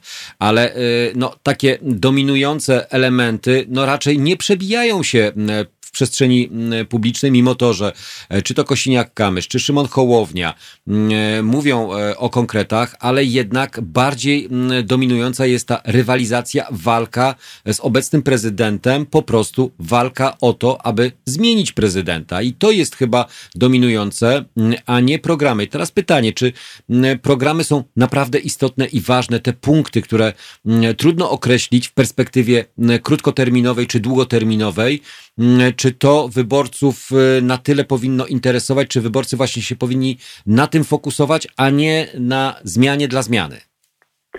E, z pewnością bardzo istotna, wręcz kluczowa jest dynamika. E, proszę e, wrócić pamięcią do wyborów z roku 2015. Wówczas Andrzej Duda stworzył dość istotną dynamikę właśnie wokół Frankowiczów, wokół tego hasła wówczas PiSu, Polska w ruinie, wokół tego wszystkiego, co faktycznie e, dawało się we znaki wówczas, e, na przykład tak zwanej afery taśmowej, to wszystko stworzyło pewną dynamikę, ponieważ ułożyło się w, w tę całość. Państwo, które sobie nie radzi, jest skorumpowane, państwo, które nie dba o obywatela, tylko właściwie o siebie samego. Ta dynamika nie tylko poniosła obóz rządzący, obecnie rządzący oczywiście, E, do zwycięstwa w opozycji, ale również w wyborach parlamentarnych. E, jednakże na tym etapie e, tej dynamiki nie widać po stronie opozycji, ponieważ faktycznie jest kilka kierunków. No, kwestia domniemanej cenzury, kwestia domniemanych afer korupcyjnych. To wszystko to pewne składniki, które mogą się złożyć na dynamikę, ale na razie te składniki samodzielnie, też niezależnie od siebie, nie są w stanie ponieść tych kandydatów do zwycięstwa E, podobnie jak, proszę zwrócić z pamięcią do wyborów parlamentarnych, wówczas również powstała pewna dynamika po stronie lewicy. Te wszystkie kwestie właśnie e, obyczajowe, e, no, które złożyły się na kampanię wyborczą, stworzyły pewną dynamikę, no, która po prostu poniosła wówczas lewicę do, jak można uznać, dobrego wyniku, dwucyfrowego przecież w tych wyborach parlamentarnych. Jednak tutaj tej dynamiki nie widać i to jest największy kłopot opozycji, ponieważ faktycznie ta dynamika jest e, sama w sobie e, tą alternatywą, jest alternatywą właśnie dla rządzenia, e, dla Polski. Dopóki tej dynamiki nie ma, tutaj trudno mówić o jakimś kandydacie. Co więcej, właściwie brak tej dynamiki spowodował, iż właściwie zmiana kandydata doprowadziła właściwie niemal upadku kampanii wyborczej dwóch kandydatów. co by było możliwe w sytuacji, gdzie faktycznie ci kandydaci byliby utożsamiani z jakąś konkretną dynamiką, z jakimś konkretnym przekazem. Tak więc jeszcze jest trochę czasu. Z pewnością można tą dynamikę stworzyć, ponieważ faktycznie to tak trochę jak ciasto. Mamy wszystkie składniki, wszystko kupiliśmy, wszystko leży na stole, ale trzeba to złożyć. Dopóki nie złożymy tych składników, no to wówczas trudno się będzie nimi najeść. Ale jeśli złożymy do kupy, i wsadzimy do piekarnika, to wówczas wyjdzie z tego fajne ciacho. E, na tym etapie mamy składniki, one leżą na stole, one są. E, tylko trzeba je złożyć. Pytanie, kto je złoży i czy uda się komuś złożyć te składniki na czas, tak właśnie, aby zdążyć na te wybory. Panie Zbigniewie, pan mówi o tym, że powinien być, e, e, znaczy jednym ze składników powinien być e, oczywiście pro, program. Co można obecnie zaoferować lub co powinni zaoferować kandydaci na fotel prezydenta, mając takie prerogatywy, które mają i takie możliwości, które mają, bo wiadomo, że najwięcej możliwości, największe prawdopodobieństwo realizacji swoich planów no, ma obecny prezydent Andrzej Duda, bo ma za sobą e, obóz e, rządzący, tak, e, jeżeli wygra wybory, tak, w pierwszej może nie, ale w drugiej turze. Pozostali kandydaci no, będą się musieli boksować z obecną władzą, będą musieli prowadzić nieustanną walkę o forsowanie, czy akceptowanie, czy stawianie weta, jeżeli ktokolwiek kandydat się pojawi. No to więc jaka perspektywa jest dla przeciętnego obywatela, w jaki sposób obywatel ma do tego podchodzić w perspektywie no, tego, co się dzieje w Europie i na świecie? Otóż taką główną cechą rządów PiSu było rozdawanie rybek. E, tak więc e, z pewnością tutaj ten elektorat, który oczekuje, e, oczekuje rybki, trudny będzie do pozyskania, ponieważ on zachowa się raczej zachowawczo. Czyli, czyli rybki zostały już rozdane. Mówimy oczywiście o różnego rodzaju dodatkach socjalnych, o wsparciach, czyli finansowym zapełnieniu portfeli. Dokładnie, o tym właśnie mówimy. Jednakże ten elektorat z pewnością w dużej mierze zagłosuje na rybkodawcę. Tak więc tutaj trudno oczekiwać uzyskania tego elektoratu. E, trzeba koncentrować się na elektoracie, który oczekuje wędki. E, albo oczekuje, no właśnie, e, aby nie rozdawano rybek, tylko właściwie rozdawano wszystkim wędki, oczekując wędki dla siebie, oczekując wędki dla innych. I właśnie taką wędkę należałoby zaproponować no, w sytuacji przecież pandemii i na okres sytuacji po pandemii. Pamiętka to e, konkretny plan, no właśnie, dla przedsiębiorcy, pracodawcy, ale również e, pracobiorcy. E, tak jak wspomniał, e, to plan e, dla Polski, ale dla Polski w Europie, ponieważ... Ale panie, panie Zbigniewie, jeżeli mamy uprawnionych do głosowania 30 milionów obywateli, z tego 9 milionów to są emeryci, reszta to są przedsiębiorcy czy osoby dopiero wchodzące na rynek pracy. Więc jak dotrzeć do tych grup, które będą oczekiwały nie rybek, ale właśnie będą oczekiwały tych narzędzi do pozyskiwania tych rybek? E, na przykład pokazując, e, jak negatywnie może wpłynąć polityka rozdawnictwa na przyszłe pokolenia i na przyszłe lata e, państwa. No, takim właśnie przykładem jest przecież Francja, gdzie zbudowano daleko idącą politykę rozdawniczą, no i teraz ta polityka daje się we znaki. To pokazuje, że tak naprawdę taka polityka jest nie do utrzymania na dłuższą metę. Warto pokazać to no właśnie przyszłym, e, no przyszłym pokoleniom na podstawie właśnie ludzi młodych, którzy przecież wchodzą w życie aktywne e, i z pewnością e, no, są zainteresowani tym, jak będzie wyglądało ich państwo za 20-30 lat. Takim przekazem Daniel Wędki istotne jest pokazanie, iż w dobie pandemii, gdzie faktycznie będzie kryzys, co raczej jest nieuniknione. Warto, by właśnie Polak nie wyjeżdżał e, za granicę, ale właśnie mógł e, tutaj w Polsce się rozwijać. E, tutaj faktycznie o tym mówiły wszystkie obozy, o tym mówiła Platforma Obywatelska, właśnie głosem Donalda Tuska, tym mówił, o tym mówił PiS, ale właśnie pytanie, jak tą kwestię rozwinąć i być przekonującym, pokazać no właśnie, że Polska ma również swoje atuty i te atuty należy akcentować. Wiele możliwości tak naprawdę Polska może zaoferować, tylko zdaje się, że faktycznie na tym się obecnie nie koncentrujemy, tylko koncentrujemy się właśnie na tym przekazie negatywnym. Tak więc przekaz dla przedsiębiorcy, e, dla e, pracobiorcy, e, przekaz dla młodego pokolenia, również przekaz dla tych, którzy interesują się i przywiązują uwagę do historii, pokazując właśnie, iż można bronić historii, E, ale e, inaczej. Na przykład powracając do tej e, no, kontrowersyjnej, nazwijmy to delikatnie, ustawy o IPN-ie, gdzie rządzący twierdzili, że właściwie bronią dobrego imienia Polskę, spowodowali, iż Polska tak naprawdę no, stała się no, wręcz pośmiewiskiem tak naprawdę na całym świecie.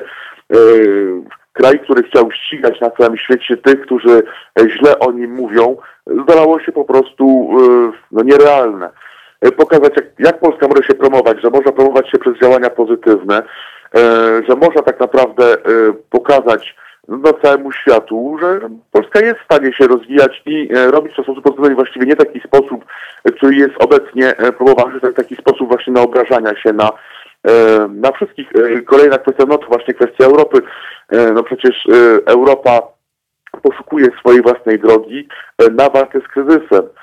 No właśnie, jaki jest polski głos? E, w tej walce z kryzysem e, na szczeblu europejskim, co Polska może zaoferować, e, ponieważ bardzo duża liczba Polaków rozumie, że istotna jest Europa dla Polski, a Polska dla Europy. Polacy jeżdżą po Europie, pracują w Europie i dla Europy.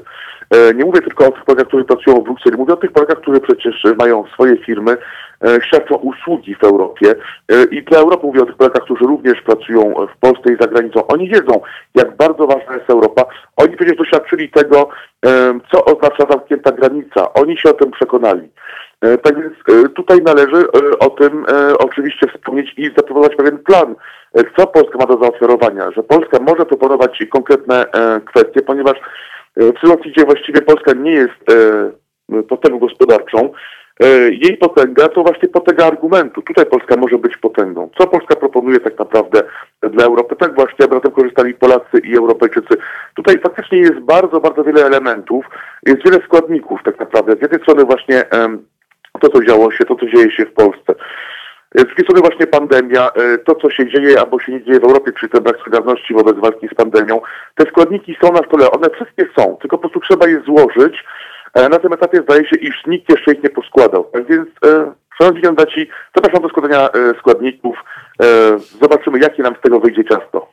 Panie Zbigniewie, jeszcze chciałbym jednak nawiązać do tych liczb, które no, niestety pokazują nam jasno, jeżeli mamy 30 milionów Jedna druga bierze udział w głosowaniu przy dobrych wiatrach, e, czyli 15 milionów. Z tych 15 milionów 9 mm, e, milionów, oczywiście ja nie mówię, że wszyscy e, emeryci nagle pójdą głosować.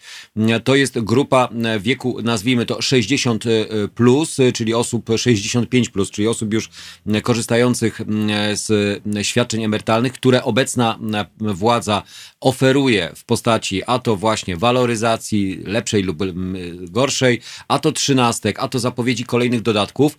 No więc y, pozyskanie tych, dawanie tych rybek y, jest zdecydowanie łatwiejsze niż dawanie tych y, wętek, czyli tego, żeby pozyskać przez przedsiębiorców.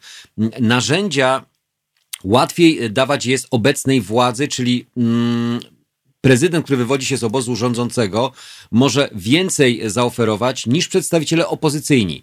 Więc co e, oprócz tego, że budujemy relacje z Unią Europejską, że Unia Europejska może nas wspierać, co kandydaci opozycyjni powinni zaoferować obecnie społeczeństwu, aby ich zachęcić do brania udziału w wyborach i oddania głosu na poszczególnego kandydata?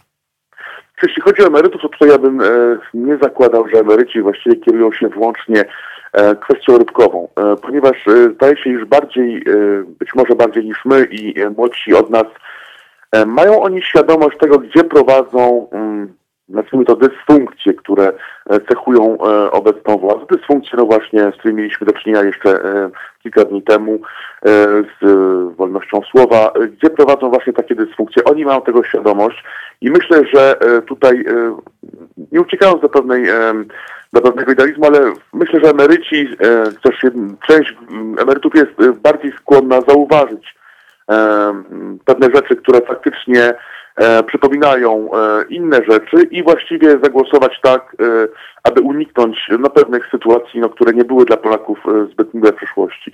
Tak więc tutaj myślę, że nie tylko kwestie emerytalne, właśnie nie tylko kwestie właśnie świadczeń powodują, iż emeryci głosują tak czy inaczej. Jednakże faktycznie świadczenia socjalne to jedno, ale służba zdrowia to drugie. Zdaje się, że służbą zdrowia rządzący poradzili sobie, no mówiąc delikatnie, tak sobie. Tak więc tutaj faktycznie no, oferta konkretna no, pewnych zmian dostępności i skuteczności służby zdrowia powinna być emerytom przedstawiona. Jest wiele możliwości, jednak jak już wspomniałem, ja nie mówiłem tylko o Unii Europejskiej, ja mówię E, o przedsiębiorcach, e, pracodawcach, pracobiorcach, o tych wszystkich, którzy rozumieją, e, że nie państwo socjalne, ale państwo wspierające no jest tym kluczem do budowania państwa udostępniającego godne warunki życia. To nie tylko transfer socjalny, ale właśnie możliwość uzyskania dobrej pracy, E, możliwość e, dobrej opieki zdrowotnej, możliwość solidnej edukacji, e, to wszystko powoduje, iż tak naprawdę Polska się rozwija. W mojej opinii coraz więcej Polaków rozumie, że tak naprawdę to, jak będzie Polak żył i gdzie będzie Polak żył, będzie zależało w dużej mierze od tego, gdzie się Polska będzie znajdowała. Czy będzie znajdowała się w Unii Europejskiej de facto, E, politycznie gospodarczo, czy właściwie będzie nazywać się w Unii Europejskiej e, e, tylko teoretycznie, formalnie, a de facto będzie w jakimś marslandzie pomiędzy Rosją a zachodnią Europą. Polacy rozumieją, jak bardzo ważne są te aspekty. Ale jak już wspomniałem, nie tylko te aspekty europejskie, tylko właśnie wszystkie aspekty związane z życiem codziennym. Służba zdrowia, dostępność do wszelkich kwestii związanych właśnie no, no, ze zdrowiem, jak i dostępność do możliwości rozwoju, czyli no właśnie jak założyć firmę, jakie podatki e, dla firm, e, jak e, można się rozwijać wreszcie prawo pracy. Przecież e, w Polsce zdaje się dominują tak zwane umowy śmieciowe.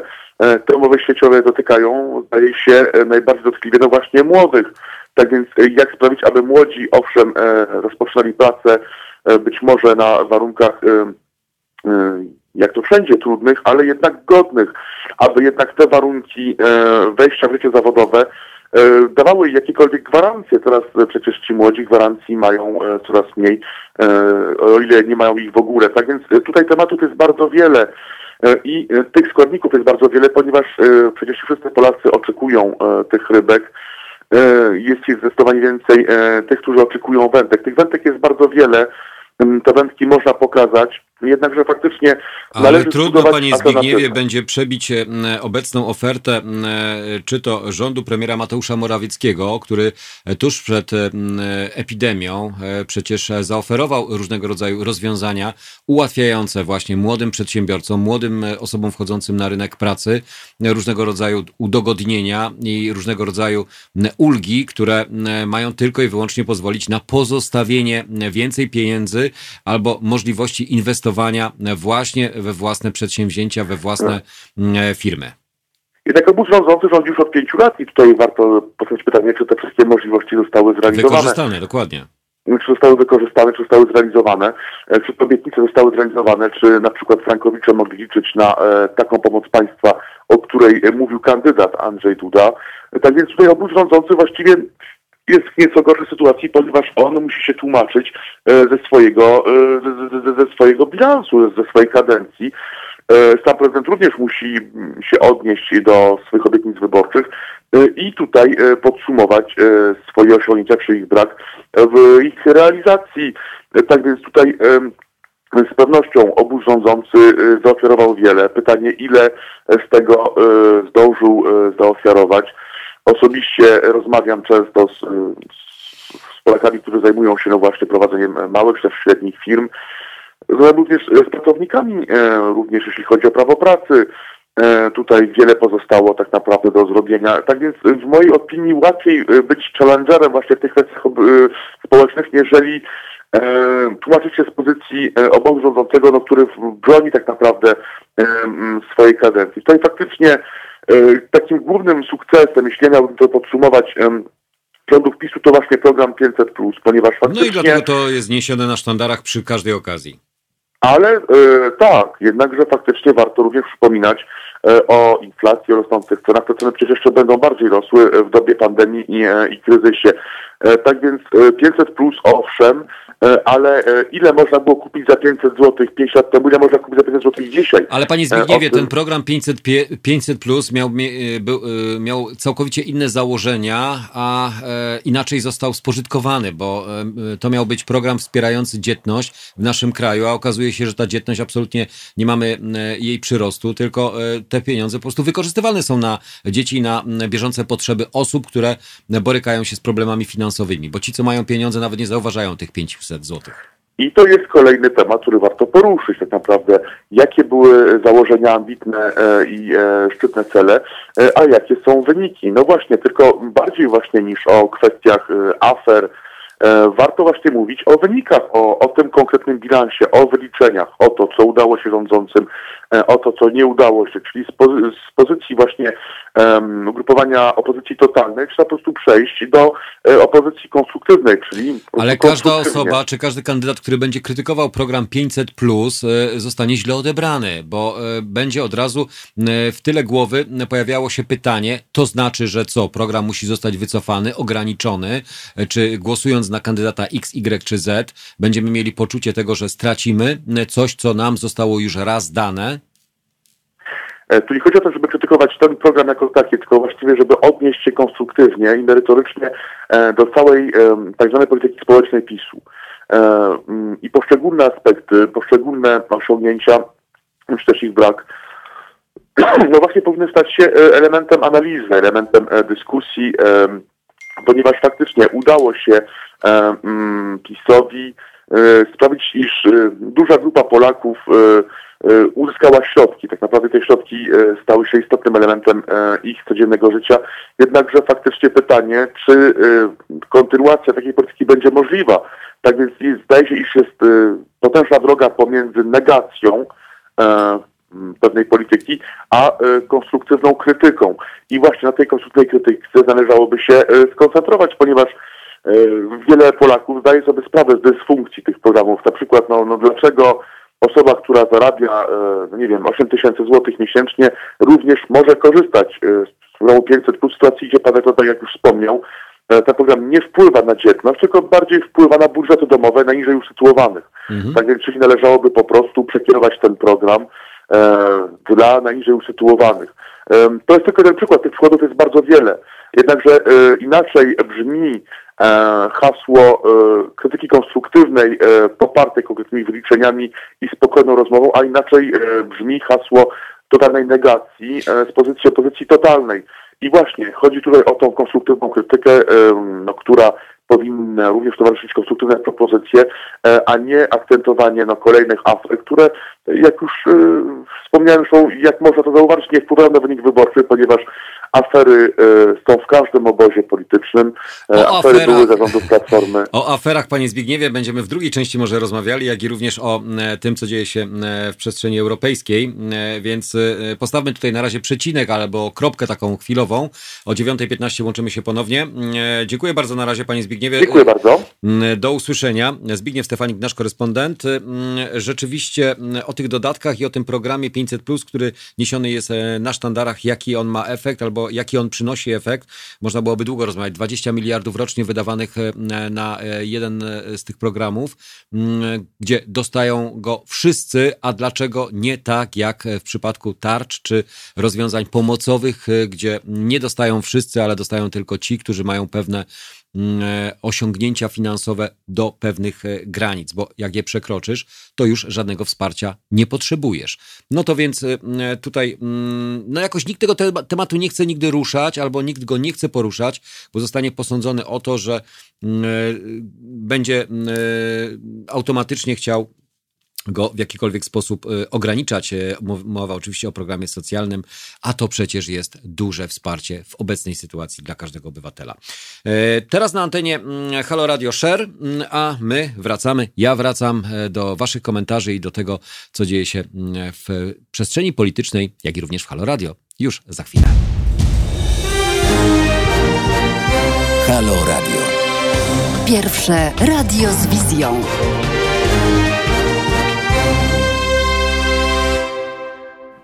Pierwsze radio z wizją. No. A kiedyś, czy byliście w stanie wyobrazić sobie, że e, radia tylko się słuchało, a nie również oglądało, a teraz coraz częściej, e, coraz liczniej różni, czy to komentatorzy, czy publicyści, czy muzycy, właśnie w przestrzeni internetowej no, hulają, powiem szczerze, bez granic. No, bo tam rzeczywiście nie ma żadnych granic. Oprócz granic muzycznych, bo jeżeli ktoś okrasza swoje wystąpienia, czy w przerwach, w blokach leci muzyka, no to ta muzyka niestety czasami jest ograniczana na różnych przestrzeniach internetowych. E, okej, okay, ale teraz może skupmy się na osobie, która już w przestrzeni publicznej, e, szeroko pojętej, jakoś nie funkcjonuje albo przestała funkcjonować, a mowa oczywiście Małgorzacie Kidawie-Błońskiej, byłej kandydatce na fotel prezydenta Koalicji Obywatelskiej. Okazuje się, że przyszłość Małgorzaty Kidawy-Błońskiej jest, y, no, są rozpisane scenariusze. Scenariusze dotyczące tego, co może stać się w przypadku, gdyby właśnie potoczyły się losy wyborów prezydenckich tak, a nie inaczej. Gdyby Rafał Trzaskowski e, wygrał wybory prezydenckie w Polsce, e, Małgosia e, byłaby naturalną kandydatką Platformy w wyborach prezydenckich w Warszawie, mówi jeden z ważnych polityków Platformy Obywatelskiej. Ja myślę, że nie jeden polityk tak mówi ważny czy mniej ważny, czy obywatel, który w ten sposób postrzega, że jeżeli rzeczywiście Rafał Trzaskowski wygrałby wybory, no Jaki będzie finał tego, nie wiemy, zobaczymy. E, to rzeczywiście mm, e, Małgorzata Kidawa-Błońska mogłaby być naturalną kandydatką na fotel prezydenta, a jeśli nie, to pojawi się nawet scenariusz kandydowania Małgorzaty Kidawy-Błońskiej w wyborach parlamentarnych mm, do Parlamentu Europejskiego, ale dopiero za cztery lata. E, no to te scenariusze rozłóżmy na czynniki pierwsze. Byłaby dobrą kandydatką na prezydenta Warszawy. Pytamy Rafała Trzaskowskiego, Małgorzatę Kidawę-Błońską na jego konferencji prasowej w siedzibie Platformy. Nowy kandydat PO na prezydenta, obecny włodarz stolicy, unika odpowiedzi pozostaje prezydentem miasta stołecznego Warszawy i pełni swoje obowiązki do momentu wyboru na prezydenta Rzeczpospolitej Polskiej. I jedno mogę zagwarantować. Jeśli tak się stanie, to na pewno wybory w Warszawie wygra opozycja i na pewno w Warszawie będziemy mieli prezydenta z opozycji, czyli tutaj jakby zawsze umiejętność mm, nieodpowiadania bezpośrednio na, na dane pytanie, czyli automatyczne poparcie danej kandydatki lub ewentualnie brak tego poparcia. Politycy PO są przygotowani na pytania o dalszą karierę Małgorzaty Kidawy-Błońskiej w polskiej polityce. Te pytania pojawiają się naturalnie, wszak wicemarszałek Sejmu do niedawna była kandydatka mm, Platformy na premiera przecież wcześniej, a teraz na prezydenta, no ostatnio. Dziennikarze zastanawiają się zatem, jak największa partia opozycyjna ma zamiar zagospodarować politycznie mm, panią Kidawę-Błońską. Przedstawiciele Platformy nie chcą odpowiadać oficjalnie, tłumaczą, że takie spekulacje są dziś nie na miejscu, bo po prostu jest na nie za wcześnie. Jednocześnie e, powtarzają, e, Rafał Trzaskowski wygra z Andrzejem Dudą w wyborach, ale nie idzie za tym odpowiedź, kto mógłby go zastąpić w stołecznym ratuszu. Najpierw będzie to przez trzy miesiące komisarz z ramienia Prawa i Sprawiedliwości, kandydatka w Warszawie. Próbujemy dopytać posła Cezarego Tomczyka, Kidawę Błońską i on nabiera również wody w usta. Jeśli Rafał Trzaskowski zostanie prezydentem Rzeczpospolitej Polskiej, nikt z PiS Warszawy nie skrzywdzi. To będzie niemożliwe, ale podkreślam, nie będzie żadnych spekulacji co do nazwisk ewentualnych kandydatów na prezydenta stolicy. Rafał Trzaskowski jest dziś prezydentem Warszawy, a Małgorzata Kidawa-Błońska wicemarszałkiem e, Sejmu, mówi wirtualnej Polsce e, Cezary Tomczyk. W kuluarach politycznych jednak nazwisko Kidawy-Błońskiej jako ewentualnej kandydatki w Warszawie oczywiście pojawia się. Każdy z rozmówców przypomina, jak świetny wynik wicemarszałek Sejmu uzyskała w wyborach parlamentarnych jesienią 2019 roku. Przypomnijmy, Kidawa-Błońska zdobyła ponad 400 tysięcy głosów, dwa razy więcej od Jarosława Kaczyńskiego. To wielki kapitał w wyborach prezydenckich. W Warszawie Małgosia wygrałaby w cuglach, mówi jeden z posłów PO. Lider e, natomiast Platformy, e, Borys Budka, każdy scenariusz jest dopuszczalny. Na razie wygrajmy wybory prezydenckie w Polsce.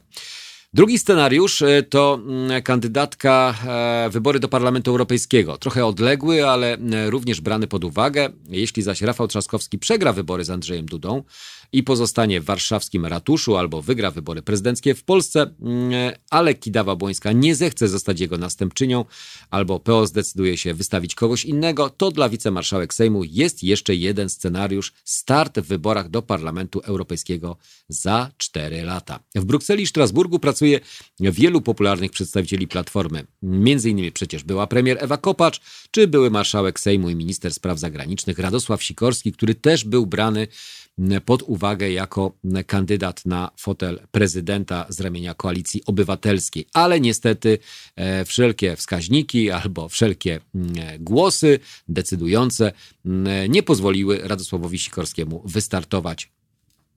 Wystartował Rafał Trzaskowski. E, Niektórzy e, dodają, że po dwóch e, niebywale ciężkich kampaniach ogólnopolskich i wieloletniej pracy w Sejmie wicemarszałek potrzebuje politycznej odskoczni, jak zauważa z kolei niedawno w dzienniku Gazecie Prawnej posłanka Koalicji Obywatelskiej Barbara Nowacka. Małgorzata Kidawa-Błońska została poddana ogromnej presji. Kolejny miesiąc jest w zasadzie linczowana. Ona jest też moją koleżanką z koalicji i się o nią po prostu martwię, kiedy widzę, jak każdego dnia dostaje cięgi. Co chwilę przecież na sali sejmowej jakiś poseł z niej e, drwi. Mm, e, każdy scenariusz dziś mm, e, to jeden jednak pieśń przyszłości o polityczne plany i pojawiające się spekulacje. Chcieliśmy zapytać samą Małgorzatę Kidawą-Obłońską, mówią dziennikarze Wirtualnej Polski, ale wicemarszałek Sejmu nie odpowiedziała na żadną z próśb. Mamy rozmówcę mm, lub rozmówczynię. Rozmówcę. Dzień dobry panie Jacku, Mariusz z tej strony. Dzień dobry, witam. do pana nie dzwoniłem. No ale widzę, jest pan na miejscu, więc... Jestem na I ciekawy miejscu. temat, i ciekawy temat dzisiaj właśnie, bo to od jakiegoś czasu słucham już dzisiaj od, od rana. No tak, co do pani Kidawy Włońskiej, no, jeżeli by miała ewentualnie startować na prezydenta Warszawy, ja tego nie widzę, bo przecież, przecież nie będzie startował e, na prezydenta Warszawy pan Jarosław Kaczyński, tylko ktoś inny. To, co wtedy wygrała z panem Jarosławem, no to wiadomo dlaczego wygrała, bo w Warszawie pan Jarek nie jest zbyt, zbyt kochany, tak? Także nie wiem, y, czy to jest dobry pomysł akurat y, co do pani Kidawy Błońskiej. Wątpię w to. Raczej, raczej proponowałbym kogoś innego, żeby oni sobie tam poszukali.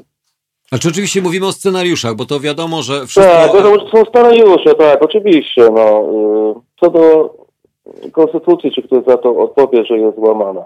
Nikt za to nie odpowie. I pan doskonale o tym też wie. Że oni sobie nie pozwolą na, na to, żeby ktoś im tam, ich tam ciągał po Zresztą widział pan, jak to się odbywało z tymi wieżami pana Kaczyńskiego, które miały być wybudowa wybudowane. Do tej pory panie zostało przesłuchane, tak? Nikt nic nie dzieje dalej w tym kierunku. Ale panie Mariuszu, ale panie Mariuszu, bo e, no nie, nie denerwuje pana to, nie irytuje to pana, że e, tak w takim irytuje. państwie żyjemy? Ale mnie to bardzo irytuje, proszę pana. Bardzo, bardzo, nawet powiem panu bardzo. Ale co z tego? I pana to irytuje, jeszcze wielu, wielu innych ludzi to irytuje, z którymi ja rozmawiam i przybywam mm, na co dzień, tak? Ale co z tego? My na to nic nie poradzimy, bo mm, PiS trzyma wszystko to w swoim ręku. Pan Ziobro wszystkie sądy i tak dalej, prokuratury też trzyma. Jak, jak jakiś prokurator lub sędzia mu podskoczy, to jest przemyślone, wie pan o tym doskonale, tak? Mhm. No. Także to w tym kierunku to nic, nic, lepiej, nic lepiej nie pójdzie. Jeszcze no dobrze, ale, to, ale my jesteśmy, ale panie Mariuszu, jesteśmy świadomi tego, wiemy y, jak łamane są zasady funkcjonowania państwa demokratycznego. Nie tylko my o tym wiemy, ale również instytucje międzynarodowe o tym wiedzą. Unia Europejska też wie, tak. Wszyscy wiedzą. Mhm. E, a my mm, biernie mm, przyglądamy się temu wszystkiemu. Ja nie mówię, że tutaj chodzi o to, żebyśmy się nagle zerwali wszyscy z krzeseł, wyszli na ulicę i zaczęli protestować, bo i tak to pewno nic nie da, bo e, te protesty skończyłyby się tylko i wyłącznie na kolejnej grupie tysiąca, a może kilku tysięcy, a może nawet dziesiątek tysięcy osób w poszczególnych miastach, a nic by się przecież nie zmieniło, bo władza ma na to wyczesane, za przeproszeniem. E Panie Jacku, to nie chodzi o to, żeby się nic nie zmieniło. Zresztą no, miał pan przykład niedawno 6 kwietnia chyba, tak? No, przepraszam, 6 maja. jak wysz- wyszli e, Przedsiębiorcy. aktorzy chyba. Nie, nie. Z tym banerem mi chodzi A. o ten baner, gdzie tam szli w odległości od siebie o dwóch, y, po dwa metry, nawet ponad.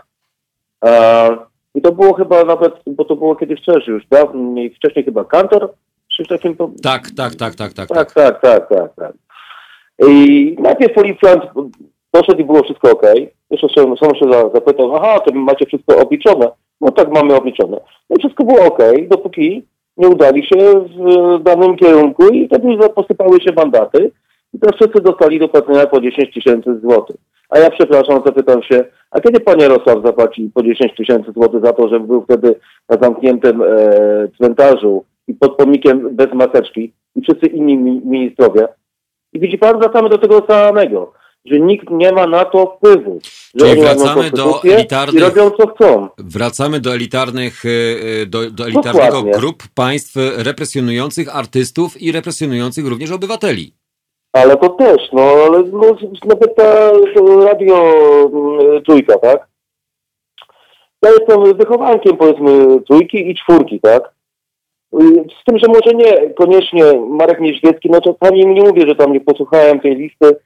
Ja raczej jestem wychowankiem y, pana Gaszyńskiego i pana Kaczkowskiego, tak? Mhm. Minimum y, słów maksimum muzyki.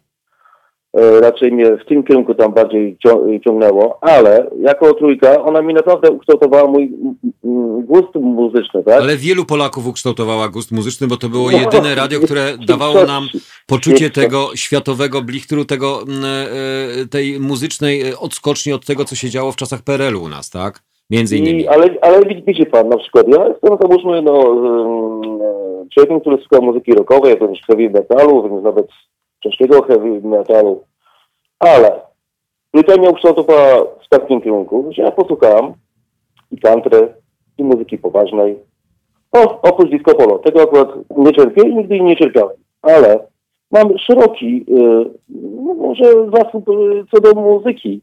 Ja nie zaliczam się do jednego tematu. Wiadomo, że głównym jest może rock, ale pozostała muzyka, no, kurczę, no skąd ta muzyka się wywodzi? Jest jazz, jest blues, tak? Jest country i wiele, wiele innych jeszcze.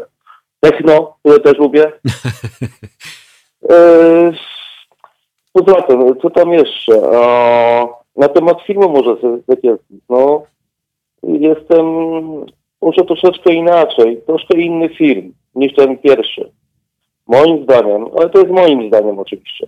Tamten pierwszy był bardziej hardkorowy. Bardziej hardkorowo to było pokazane. Bardziej mnie tamten, ta pierwsza, ten pierwszy film mnie bardziej wpływalił niż ten drugi. Chociaż tutaj oczywiście panowie Sekielscy później się zaczęli tłumaczyć, bo mm, zrobili tak po filmie, jak zwykle to swoje spotkanie y, bracia i tłumaczyli się, bo tam, znaczy, no można powiedzieć, że się tłumaczyli, bo tak, wyszło to tak, jakby to było, jakby chodziło tylko o, o gejów, tak? No więc od razu na początku audycji, którą prowadzili, pokazali tą flagę tęczową, że oni są y, no za tym, żeby wszyscy, że wszyscy mają... Tak to wyszło, że było tylko o, o mężczyznach, tak? No tak, to był błąd moim zdaniem, powinni ktoś tam poruszyć trochę inny temat, było, nie wiem, nie wiem, to półtorej godziny film, nie wiem, nie, to przez tyle czasu kręcili ten film i tylko wyszło im półtorej godziny, dziwne to troszeczkę, no, nie wiem. Półtorej go, go, godziny, godzinny film, żeby... Mariusz, ja nie zabieram głosu w tej materii, bo ja już mówiłem e, również na swoim kanale, e, że ja tego filmu e, jeszcze nie obejrzałem. E, Ja, so, ja muszę się do niego mentalnie I przygotować. dzisiaj będzie na TVN.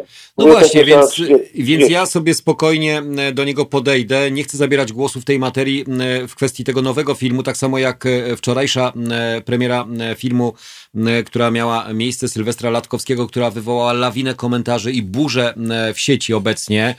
No ja muszę obejrzeć, właśnie ja bo też, ja też, ja Tak. też, więc dopiero wtedy będę mógł zabrać stanowisko w tej materii, bo nie chcę tutaj teraz, wiesz, rzuc, rzuc, rzucać hasłami, ogólnikami, wolę jednak No, konkrety. Nie, to jest, wie- więc powiedziałem, że to jest moje zdanie, tak? Że dla, dla mnie pierwsza część była bardziej hardkorowa, która um, pokazywała o wiele więcej, tak? Mhm. Ja tu tylko było, no powiedziano, że po prostu, że nic się nie dzieje, po prostu, że Kościół jest w tym samym punkcie, w którym był i nic się nie dzieje, tak? No, się, znaczy, dzieje, się, dzieje się tyle, że mm, i episkopat i biskup e, No zabrali tak. stanowisko. No mm, niby, no. Wtedy też zabrali, co z tego, no. Miała powstać ustawa, która e, do dziś e, nie powstała, więc e, jak widać politycy tylko i wyłącznie na bieżąco albo na gorąco reagują, a później jakoś o tym wszystkim zapominają. I my zamiast im codziennie o tym przypominać, jak mantra powinniśmy powtarzać te rzeczy, które nie zostały wykonane, to no też przykrywamy, przykrywani jesteśmy kolejnymi aferami, kolejnymi no. I teraz właśnie, właśnie, tak patrzę, tak, napływ, tak, tak, tak, napływają informacje dotyczące e, filmu Sylwestra Lat, Latkowskiego, że to już prokuratura krajowa się będzie zajmować tym, że już e, e celebryci e, odnoszą się do e, słów, e, czyli do debaty, która była po tym filmie, że mają ujawniać różnego rodzaju rzeczy. No, zobacz, a jeden atak skontrowany został następnym atakiem, a to wszystko w no cieniu wyborów prezydenckich. Jak jest to na YouTubie, to zaraz to wrzucę sobie, jak się skończy oczywiście audycja z panem. Jeszcze, a przy, przy okazji właśnie możemy troszeczkę porozmawiać na temat mediów publicznych, które ściekle zaatakowały pana Trzaskowskiego, tak? No atak, który w tej chwili się odbywa, to się wcale nie wieści normalnie przecież. No ja powiem szczerze, I... dla e, kontry e, oglądam wszystkie, nazwijmy to, staram się oglądać wszystkie no, e, kanały. No niestety, sorry. Nie będę się denerwował. ale to trzeba, ale to trzeba, żeby mieć świadomość tego, jakich, jakich narzędzi wykorzystują albo jakich narzędzi używają do tego, e, co powszechnie jest ogólnodostępne, bo media publiczne, no ale niestety, wystarczy, za nasze pieniądze. Wystarczy obejrzeć sobie na YouTubie, bo tam jest wiele wrzutek lub obejrzeć inne wiadomości. Tam są urywki pokazywane, jak telewizja publiczna się zachowuje. Właśnie ja po telewizji publicznej chciałem powiedzieć jeszcze parę słów. Można zrobić tak, bo oni tam płaczą, że nie dostają pieniędzy z opłaty abonamentowej, tak? Tyle, ile by chcieli, tak? A ja proponuję takie wyjście. Zakodować i kto będzie chciał, to sobie płaci. wykupi. O. Wykupi sobie. Tak, nawet się płaci, kto chce, płaci i wspiera was, tak? Zresztą proszę wspierać Halo Radio, tak, od Mariusza. E, I wtedy, wtedy kto będzie chciał, będzie oglądał, tak? Proszę bardzo, wtedy zobaczymy rzeczywiście, kto chce oglądać tą telewizję tak zwaną publiczną. No to nie jest żadna telewizja publiczna, tylko zawsze była, jest i będzie polityczna. Obojętnie kto będzie rządził, bo teraz już pojadę po wszystkim. Bo każdy miał tam swoje łapki umoczone. Każda jedna z partii, która rządziła, tak? Zgadza się. Tylko nie było to tak hardkorowo, jak zapisu było za pierwszym razem i teraz za drugim razem. A pan Niedźwiecki wtedy też odszedł za pierwszym razem PiS yy, rządziła i też odszedł z stójki, nie wiem czy pan pamięta, na jakiś tak. czas, tak? No, no. No to tyle może na dzisiaj, tak? Panie Mariuszu, to na tyle... Ale, z tym, ale mówię, pomysł z tym yy, płaceniem, mówię, zakodować i kto chce, opłaca sobie abonament na telewizję, tak? Bardzo dobry pomysł. Ja uważam, że to e, przede wszystkim to rynek powinien weryfikować e, media e, Oczywiście. publiczne, a nie tak. opłaty czy płatności, które nas, do których jesteśmy przymuszani lub zmuszani do utrzymywania czy to propagandowej, czy politycznej stacji telewizyjnej. Ja nie mówię o tych akcentach pozapolitycznymi, bo oczywiście one mają swoje wartości, które przez niektórych są cenione, a przez absolutnie innych nie ale y, mowa o publicystyce, o y, tych bieżących wydarzeniach, czy o kreowaniu y, obrazu tego, co powinien Polak oglądać, co powinien Polak słuchać. No, A właśnie. No właśnie. Właśnie, tylko ja mam prawo wyboru, tak? I dlatego nie oglądam telewizji, jak tylko PiS... Ale pan, ale ma, panie Mariuszu, ale pan płaci. Jeżeli nawet pan nie płaci, to pan musi płacić. Yy, no, to jest prawda. No, I tu postawmy no, kropkę. Tu ale, ale no dobrze, jeszcze to chciałem kurczę, ktoś mi pan zagadał, właśnie coś do, o mediach publicznych chciałem jeszcze powiedzieć. No, kurka. Dla mnie faworytką no dobra, jest może... pani e, kandydatka na fotel prezydenta z ramienia lewicy, która po prostu e, przechodzi samą siebie. Naprawdę, to co ona robi, ja nie wiem ile jej płacą, ale płacą jej za dużo, a w ogóle jej nie powinni płacić. Kto, kto, kto? Kandydatka na fotel prezydenta z ramienia lewicy w poprzednich wyborach A, prezydenckich. Nie, nie, nie, nie, nie, nie, nie, nie. Pani Ogórek, tak? Tak, tak. Nie, to jest, to jest, y, nie wiem, y, w ogóle Lewica to wtedy strzeliła sobie raz, że... A to Leszek Miller, no to Leszek Miller sobie no, Leszek Miller. Tak, ja nie A wiem o co tym. Y, pani sobie poszła jeszcze tak mediów publicznych i PiS sobie teraz właśnie przy pomocy pani jeździ po wszystkich dzięki tej, tej pani, tak? I po lewicy pan jeździ, po wszystkich pan, pan jeździ. Tak? To nie dziennikarstwo, A, to y, szeroko pojęta... Nie, no, no to nie jest dziennikarstwo, nie. nie. Proszę, proszę, proszę pana, panie, panie Jacku, dziennikarzem To był i jest pan. I pana koledzy, którzy tu są w tym, w tym radiu, tak? Zresztą mówiłem już kiedyś, że większość y, osób, które są w Halo Radiu znam wcześniej. Z wcześniejszych tam y, prac, czy to radio, czy to telewizja, tak? Także wiedziałem, y, wchodząc tutaj na waszą y, stronę Halo Radia i oglądając was na YouTubie, z kim się mogę tu spotkać i czego mogę oczekiwać, tak? Także ja nie jestem zawiedziony. Ja, mi się tu super podoba. No, może dwie osoby mi nie pasują, ale to zostawię dla siebie. Ale musi być jakiś kontrast. Nawet jeżeli, no jeżeli tak, no. bo jeżeli byśmy byli, a czy to, co mi się podoba, to ja mogę powiedzieć od siebie, to, co mi się podoba, różnorodność. Im większa jest różnorodność, tym tak, większą no, mamy... Przecież jeżeli, jeżeli audycja pewnej osoby mi się nie podoba, to muszę jej oglądać i słuchać, tak? Dlatego mamy taką szeroką ofertę programową. No właśnie, no o to chodzi. Zawsze ktoś dla siebie coś znajdzie. Ale mówię jeszcze raz, zakodować y, telewizję publiczną, niech płaci ten, kto chce oglądać. I, tu, I tak y, I, z takim apelem właśnie y, może też a, powinniśmy wyjść. Przypomniałem, właśnie przypomniało mi się to, co chciałem panu powiedzieć na koniec. Kurczę, to co oni robią z tymi pieniędzmi? Przecież telewizje prywatne utrzymują się tylko z reklam, tak? Zgadza się. Nie dostają dotacji od państwa.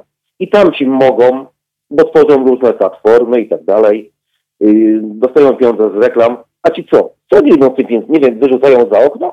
Nie, rozdają, rozdają, rozdają. E... A rozdają, roz, roz, rozdaje i pomaga to telewizja TVN, Polsat i tak dalej, i tak dalej.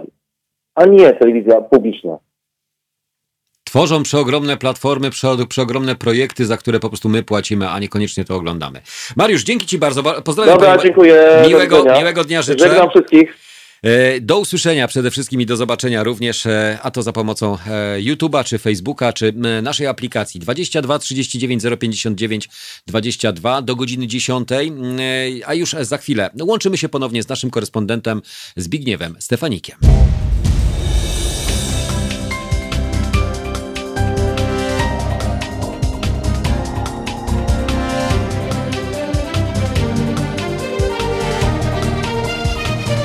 Halo Radio.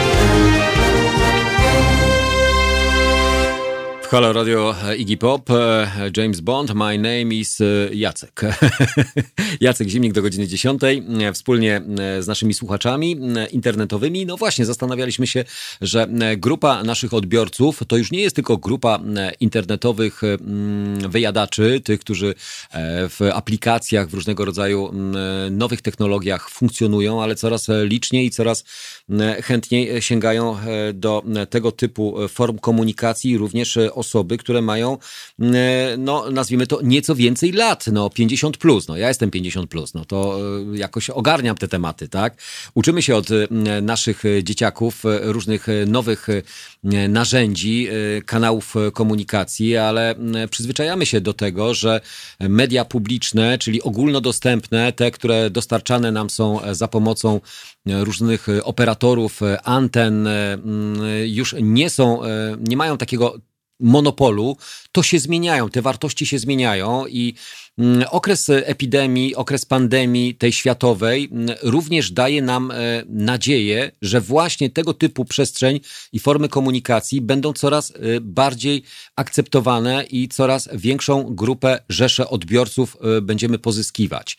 Więc y, mm, my nie musimy apelować, aczkolwiek będziemy apelować o to, aby rzeczywiście informować o tym, że jesteśmy dostępni, że można e, nas znaleźć. E, coraz łatwiej nas będzie znaleźć na e, różnych platformach mm, i coraz łatwiej będziemy słuchalni, co pozwoli też na większe dotarcie do słuchaczy i poszerzenie tych słuchaczy, wiekowo poszerzenie słuchaczy.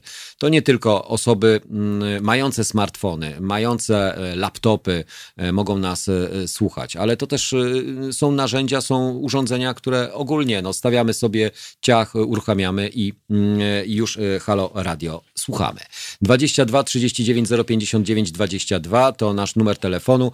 Teraz małpa halo.radio to również można do nas wysyłać maile drogą pocztową poczty elektronicznej. No i oczywiście zachęcamy do udziału na naszych czatach. Między sobą wymieniacie się również swoimi poglądami. Zgadzacie się, nie zgadzacie się. Po to jest platforma i po to jest ta forma dyskusji, że możemy się dzielić informacjami i tym, co nas mocno interesuje bardziej lub mniej. Mamy naszego korespondenta e, Zbigniewa Stefanika, który jest już z nami. E, to drugie połączenie, drugie wejście dziś. E, dzień dobry Panie Zbigniewie po raz kolejny. Mam nadzieję, że mocna kawa już była brana pod uwagę. Witam Pana doktora. Mocna kawa właśnie jest brana pod uwagę i po prostu jest. I jest. I o to chodzi, więc kawa zawsze jest nieodzownym elementem każdego poranka. Panie Zbigniewie... Bo kawa jest najważniejsza, jak wszyscy wiemy. Jest najważniejsza, to tak, to prawda. Bez kawy to jakoś nie dalibyśmy rady. Panie Zbigniewie nie Ale może jest to jakiś pomysł na hasło wyborcze, panie redaktorze, y, że kawa jest najważniejsza, prawda? Może taka sugestia. No to sugestia względem tego, co kandydaci powinni nam zaoferować albo co, czym nas powinni przekonać. E, tutaj na razie jeszcze nie mamy startu kampanii, bo kampania jest e, jeszcze nie ogłoszona. Jak widać, e, jedyną osobą, która chyba rzeczywiście mocno przestrzega tego, jest obecny prezydent, który się nieco wyciszył i bardziej przytula się do ministrów poszczególnych, występując na różnego rodzaju konferencjach co jest elementem kampanii, bo wiadomo, każda jego aktywność w przestrzeni publicznej mm, jest pewną formą kampanii aktywności. E, ale widać, że e, na razie jakby jest mała przerwa e, przed tym, co nas czeka lada moment. Mowa o prezydencie Andrzeju Dudzie, któremu słupki, no niestety, trochę odbiera albo no, no nikną te słupki. Z 64% poparcia, które było w przypadku startu Małgorzaty Kidawy-Błońskiej, nagle 47, raptem gdzie niegdzie może i pod 50% podchodzi, więc jest to sygnał dla obozu rządzącego, że tak łatwo nie będzie. Panie doktorze, mm, taka mała dygresja. Miałem pewien problem ostatnio, ponieważ kiedy widziałem te słupki, o których Pan mówi, 64%, ja nie wiedziałem, czy to jest 164% czy właściwie 64%. Y, y, dlatego y, tutaj, jeśli chodzi o te słupki, to po prostu trudno mi się do nich odnosić, ponieważ mam problem z uwierzeniem w ich wiarygodność. Z pewnością jest duże poparcie dla Andrzeja Dudy, z pewnością to poparcie równa się poparciu PiSu, jednakże należy uwzględnić te wszystkie podziały, które istnieją na prawicy. Wielu wyborców prawicowych jest zawiedziony tą prezydenturą z różnych powodów, to wymagałoby odrębnej dyskusji. Jednakże osobiście z pewnością to poparcie jest zdecydowanie niższe jeżeli było 5 lat temu, zwłaszcza e, również ze względu na e, położenie pana prezydenta, który przecież musi obecnie e, nie tyle prowadzić kampanię, tylko raczej bronić swojej kadencji, co z pewnością zawsze jest trudniejsze, kiedy odnosi się do swoich osobistych działań, jeżeli jest się kandydatem, odnosi się do działań konkurenta. Tak więc z pewnością Andrzej Duda no, będzie miał coraz większy kłopot, ponieważ jest on siłą rzeczy utożsamiany z e, działaniami e, obozu rządzącego, z którego się, z którego się wywodzi. E, jednakże, jak już mówiłem, w mojej opinii te afery nie odegrają jakiejś istotnej, istotnej roli w tej kampanii prezydenckiej. Być może jednak jakąś rolę odegra dyskusja o wolności słowa. Ta dyskusja zdaje się w Polsce nabierać na sile, tempie i znaczeniu. E, zwłaszcza również w kontekście tego protestu, e, o którym informowano wczoraj, e, gdzie Sanepid nałożył, daje się, dość pokaźne kary na jego uczestników.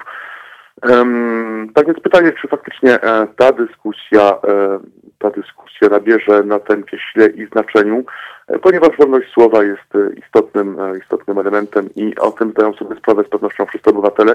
Jednakże nie jest to tylko problem Polski, ponieważ pragnę przypomnieć, w okresie kryzysu kryzysu żółtych Gwarancji, również dochodziło do sytuacji niepokojących, no, jeśli chodzi właśnie o pracę dziennikarzy. Dziennikarze byli e, zatrzymywani wręcz e, przez policję e, i o tym zresztą mówi raport Reporterów Bez Granic a właśnie, bo panie Zbigniewie, bo mówiliśmy przed chwileczką o mediach e, publicznych e, szeroko e, komentowanych. Czy w Francji media publiczne równie są hojnie obdarowywane przez władze, czy jednak system funkcjonowania tam przestrzeni publicznej ogólnodostępnej jest bardziej skomercjalizowany, czy bardziej rynkowo traktowany? Jeśli chodzi o Francję, tutaj faktycznie również jest duża pokusa dla polityków, aby media publiczne sobie przywłaszczać, czy też odgrywać na nie istotne znaczenie. Tutaj takim przykładem pozytywnym w Europie są Niemcy, gdzie faktycznie zdaje się, iż tego wpływu politycznego w mediach publicznych jest najmniej w Europie. Jak we Francji sytuacja jest daleka od, od ideału, tak więc tutaj e, nie jest to przykład pozytywny. Jednakże jeśli chodzi o media publiczne e, w Polsce, to mm, mówimy o tym, co dzieje się obecnie i e, należy o tym mówić. Także my jako dziennikarze jesteśmy winni obiektywizmu i rzetelności i warto również przypomnieć o tym, co działo się 10 lat temu. Otóż również wówczas wyrzucano dziennikarzy prawicowych i za, nim, za nimi umowali się przecież również dziennikarze drugiego nurtu. Ja przypomnę o Ewie Stankiewicz, Jadu Pospieszarskim. E, no, ich rozstanie z telewizją publiczną również odbywało się w trudnych okolicznościach, tak więc sytuacja e, miała miejsce podobnie jak teraz właściwie, tylko że e, w drugą stronę również mówiono o mediach represjonowanych po stronie prawicowej, o napaści na wolność słowa. Tak więc sytuacja, gdzie w mediach publicznych faktycznie dominuje nurt rządzący, jak zresztą sam w sposób bardzo uczciwy i rzetelny określił pan wicepremier e, Piotr Gliński, e, no nie jest jakąś cechą tych rządów. Być może ten rząd, e, ta władza robi to w sposób, powiedzmy sobie, mało dyplomatyczny, Jednakże to działo się również wcześniej i również warto o tym pamiętać, ponieważ zdaje się, że o tym zapominamy. Dzisiaj o tym zapominamy, ponieważ no, ci, którzy protestowali dzisiaj obecnie są po drugiej stronie barykady i właściwie te miejsca, e, właściwie pozostałe te same, tylko właściwie uczestnicy po prostu się zmienili, czy też zamienili się rolami tak naprawdę. E, tak więc warto mieć to na uwadze. Ja osobiście byłem zaszokowany, protestowałem 10 lat temu, o czym można się przekonać w internecie, w związku z tym, jak potraktowano Ewę Stankiewicz po emisji filmu Sylwek 2010, jak również jak potraktowano Jana Podpieszalskiego, jak zdjęto przecież jego program Warto Rozmawiać, Protestowałem wówczas, jak również protestuję teraz. Tak więc to, dotyczy właściwie różnych grup i być może można tutaj wyrazić ubolewanie, że my jako dziennikarze nie potrafimy działać jako jedna grupa zawodowa, tylko być może, być może wręcz na pewno, mówiąc pewnym kolokwializmem, za bardzo identyfikujemy się z takim czy innym nurtem politycznym, a powinniśmy się bardziej koncentrować my wszyscy E, na pracy dziennikarskiej, na rzetelności dziennikarskiej, ponieważ e, przy tej sytuacji, jak pokazują wydarzenia e, polskie z tej dekady, właściwie mogą spotkać zarówno tych i tamtych znajdujących się po różnych stron barykady, tak więc to taki apel być może do wszystkich kolegów, koleżanek, bądźmy przede wszystkim dziennikarzami, zajmujmy się pracą dziennikarską, mniej polityki, więcej dziennikarstwa, z pewnością wyjdzie nam to na zdrowie. Dziennikarstwo śledcze e, to e, jeden e, z tych elementów, który chyba najbardziej jest ceniony i takie dziennikarstwo śledcze ostatnio coraz większą ma swoją aktywność. Właśnie to dzienni, dzięki dziennikarzom i dzięki ich rzetelnej pracy no, dowiadujemy się właśnie o różnego rodzaju aferach czy wydarzeniach, które zostały pominięte albo umiejętnie ominięte przez polityków, przez poszczególne resorty, czy to właśnie mowa o braciach Sekielskich, czy e, mowa o wywołującym obecnie kontrowersje i dość duże napięcia dotyczące e, Sylwestra Latkowskiego i e, molestowaniu i gwałceniu nieletnich. Więc jakby te granice tego dziennikarstwa są rzeczywiście Mm, z jednej strony bardzo ograniczane, a z drugiej strony dają e, bardzo duże możliwości e, działania i reagowania szybko na nieprawidłowości funkcjonowania państwa.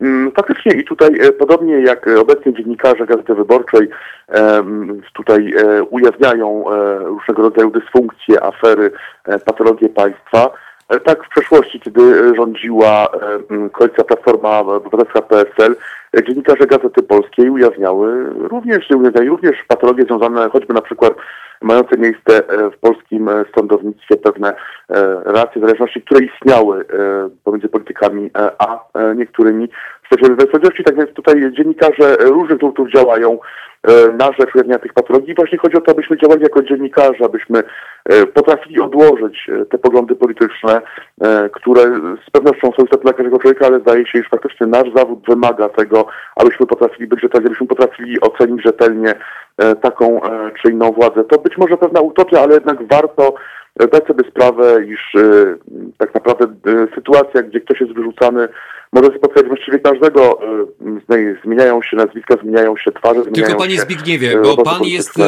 również realistą i jest pan aktywnym dziennikarzem i aktywnym, aktywną osobą działającą w przestrzeni medialnej.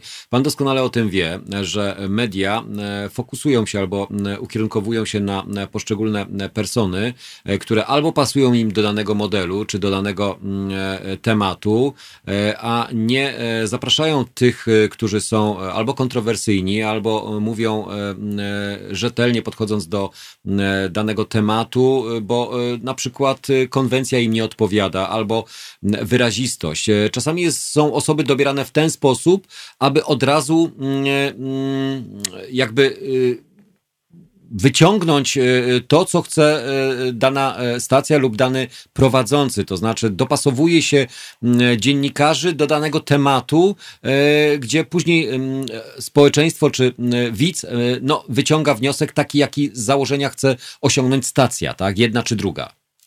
E, z pewnością. Jednak proszę zauważyć, panie redaktorze, zmiany, które mają jednak miejsce e, w przestrzeni publicznej na rynku medialnym. Otóż e, zdaje się, iż media tradycyjne tracą tak naprawdę na znaczeniu i coraz więcej na znaczeniu zyskują różne media obywatelskie, media internetowe, ponieważ faktycznie obywatele, słuchacze, widzowie tych mediów zdają sobie sprawę z tego, iż media te no nie do końca obiektywnie przedstawiają sytuację.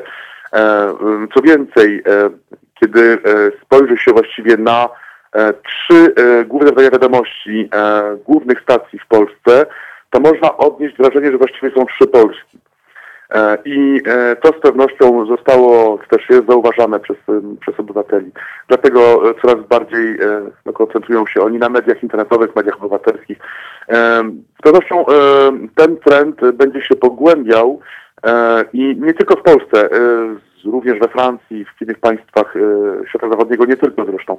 E, media tradycyjne tracą właśnie na znaczeniu, ponieważ e, obywatele mają świadomość, iż no, coraz głośniej zależą od nurtów politycznych, ale również od kapitału, który finansuje przecież te media. Nie jest przecież żadną tajemnicą w Stanach kapitał no, dominuje w mediach i właściwie media mają swoich sponsorów nie tylko w Stanach, to właśnie przyszło ze Stanów, tak już to było w Stanach w XIX wieku, e, w Europie jest podobnie, ale tutaj no właśnie słuchacz, widz, obywatel e, ma obecnie wybór. Znaczy on może wybrać, e, co ogląda, czy ogląda taką telewizję, czy po prostu ogląda telewizję internetową. Jednakże tutaj co innego media prywatne, komercyjne, ponieważ faktycznie jest to pewna oferta, jest to produkt, a co innego media publiczne. No i tutaj no, można mieć pewne wątpliwości, E, kiedy e, taki czy inny nurt to właśnie przywłaszcza sobie te media, ponieważ e, są to media na wszystkich, wszyscy na nie płacimy, powinniśmy wszyscy na nie płacić. Są one obecnie nie tylko Ale musielibyśmy mieć poczucie, panie Zbigniewie, tego, że jeżeli za coś płacimy, to dostajemy taką ofertę, która nas też satysfakcjonuje. Jeżeli mamy jakiekolwiek wątpliwości, to możemy po prostu nie płacić, nie korzystać. Żebyś... Mm, powiem, Powiem więcej, takie poczucie powinni mieć politycy przede wszystkim i powinni mieć e, poczucie, iż są to media e, publiczne, są to media wszystkich i być może tak jak ma to miejsce na przykład w Niemczech, powinno do pewnego konsensusu, do pewnego kompromisu co do właśnie oferty programowej. Jeśli ma być w tych mediach publicystyka, to warto, aby tutaj znalazło się miejsce dla możliwie jak najszerszego panelu reprezentującego społeczeństwo i poszczególne nurty polityczne. E, warto mieć tą świadomość. Zdaje się, że tej świadomości nie ma w Polsce, nie było jej właściwie, no, nadal jej nie ma. Jak już wspomniałem, warto e, mieć e, to na uwadze, że to, co dzieje się obecnie, nie jest czymś nowym. Znaczy, to nie jest tak, że to właśnie, no mówiąc w tym PiS przejął media, dla siebie zawłaszczył je sobie i prowadzić taką czy inną politykę. To działo się wcześniej, być może bardziej subtelnie, być może faktycznie e, akcenty były inaczej złożone, ale jednak faktycznie za rządów Platformy również, e, zwłaszcza po katastrofie smoleńskiej, co dla mnie osobiście było oburzające, e, wyrzucono dziennikarzy prawicowych. I mm. tutaj nie chodzi o to, czy ktoś się z nimi zgadza, czy nie, po prostu chodzi no, o, o pewien fakt ich prawo do przecież brania udziału e, w debacie publicznej. Wówczas to prawo było im odbierane.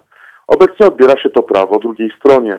E, tak więc jest to ja przynajmniej tak to odbieram, jest to znaczy, odwet. Dokładnie, dokładnie mam takie same poczucie, że e, zmienia się władza, to zmienia się zestaw dziennikarzy, komentatorów, jak i również prowadzących i dlatego też te pretensje i te wątpliwości wokół mediów publicznych są tak przeogromne, które pozwalają wątpić jakby w misyjność danej stacji, no bo jeżeli założeniem mediów publicznych ma być kreowanie rzeczywistości i dawanie oferty e, na tyle atrakcyjnej, która ma e, budować tą e, społeczność i poczucie tego, że za coś płacimy i wiemy, że to jest rzetelnie wykonywane, bo ja mam o przeogromny problem, to znaczy media publiczne ścigają się z mediami komercyjnymi na zasadzie oglądalności.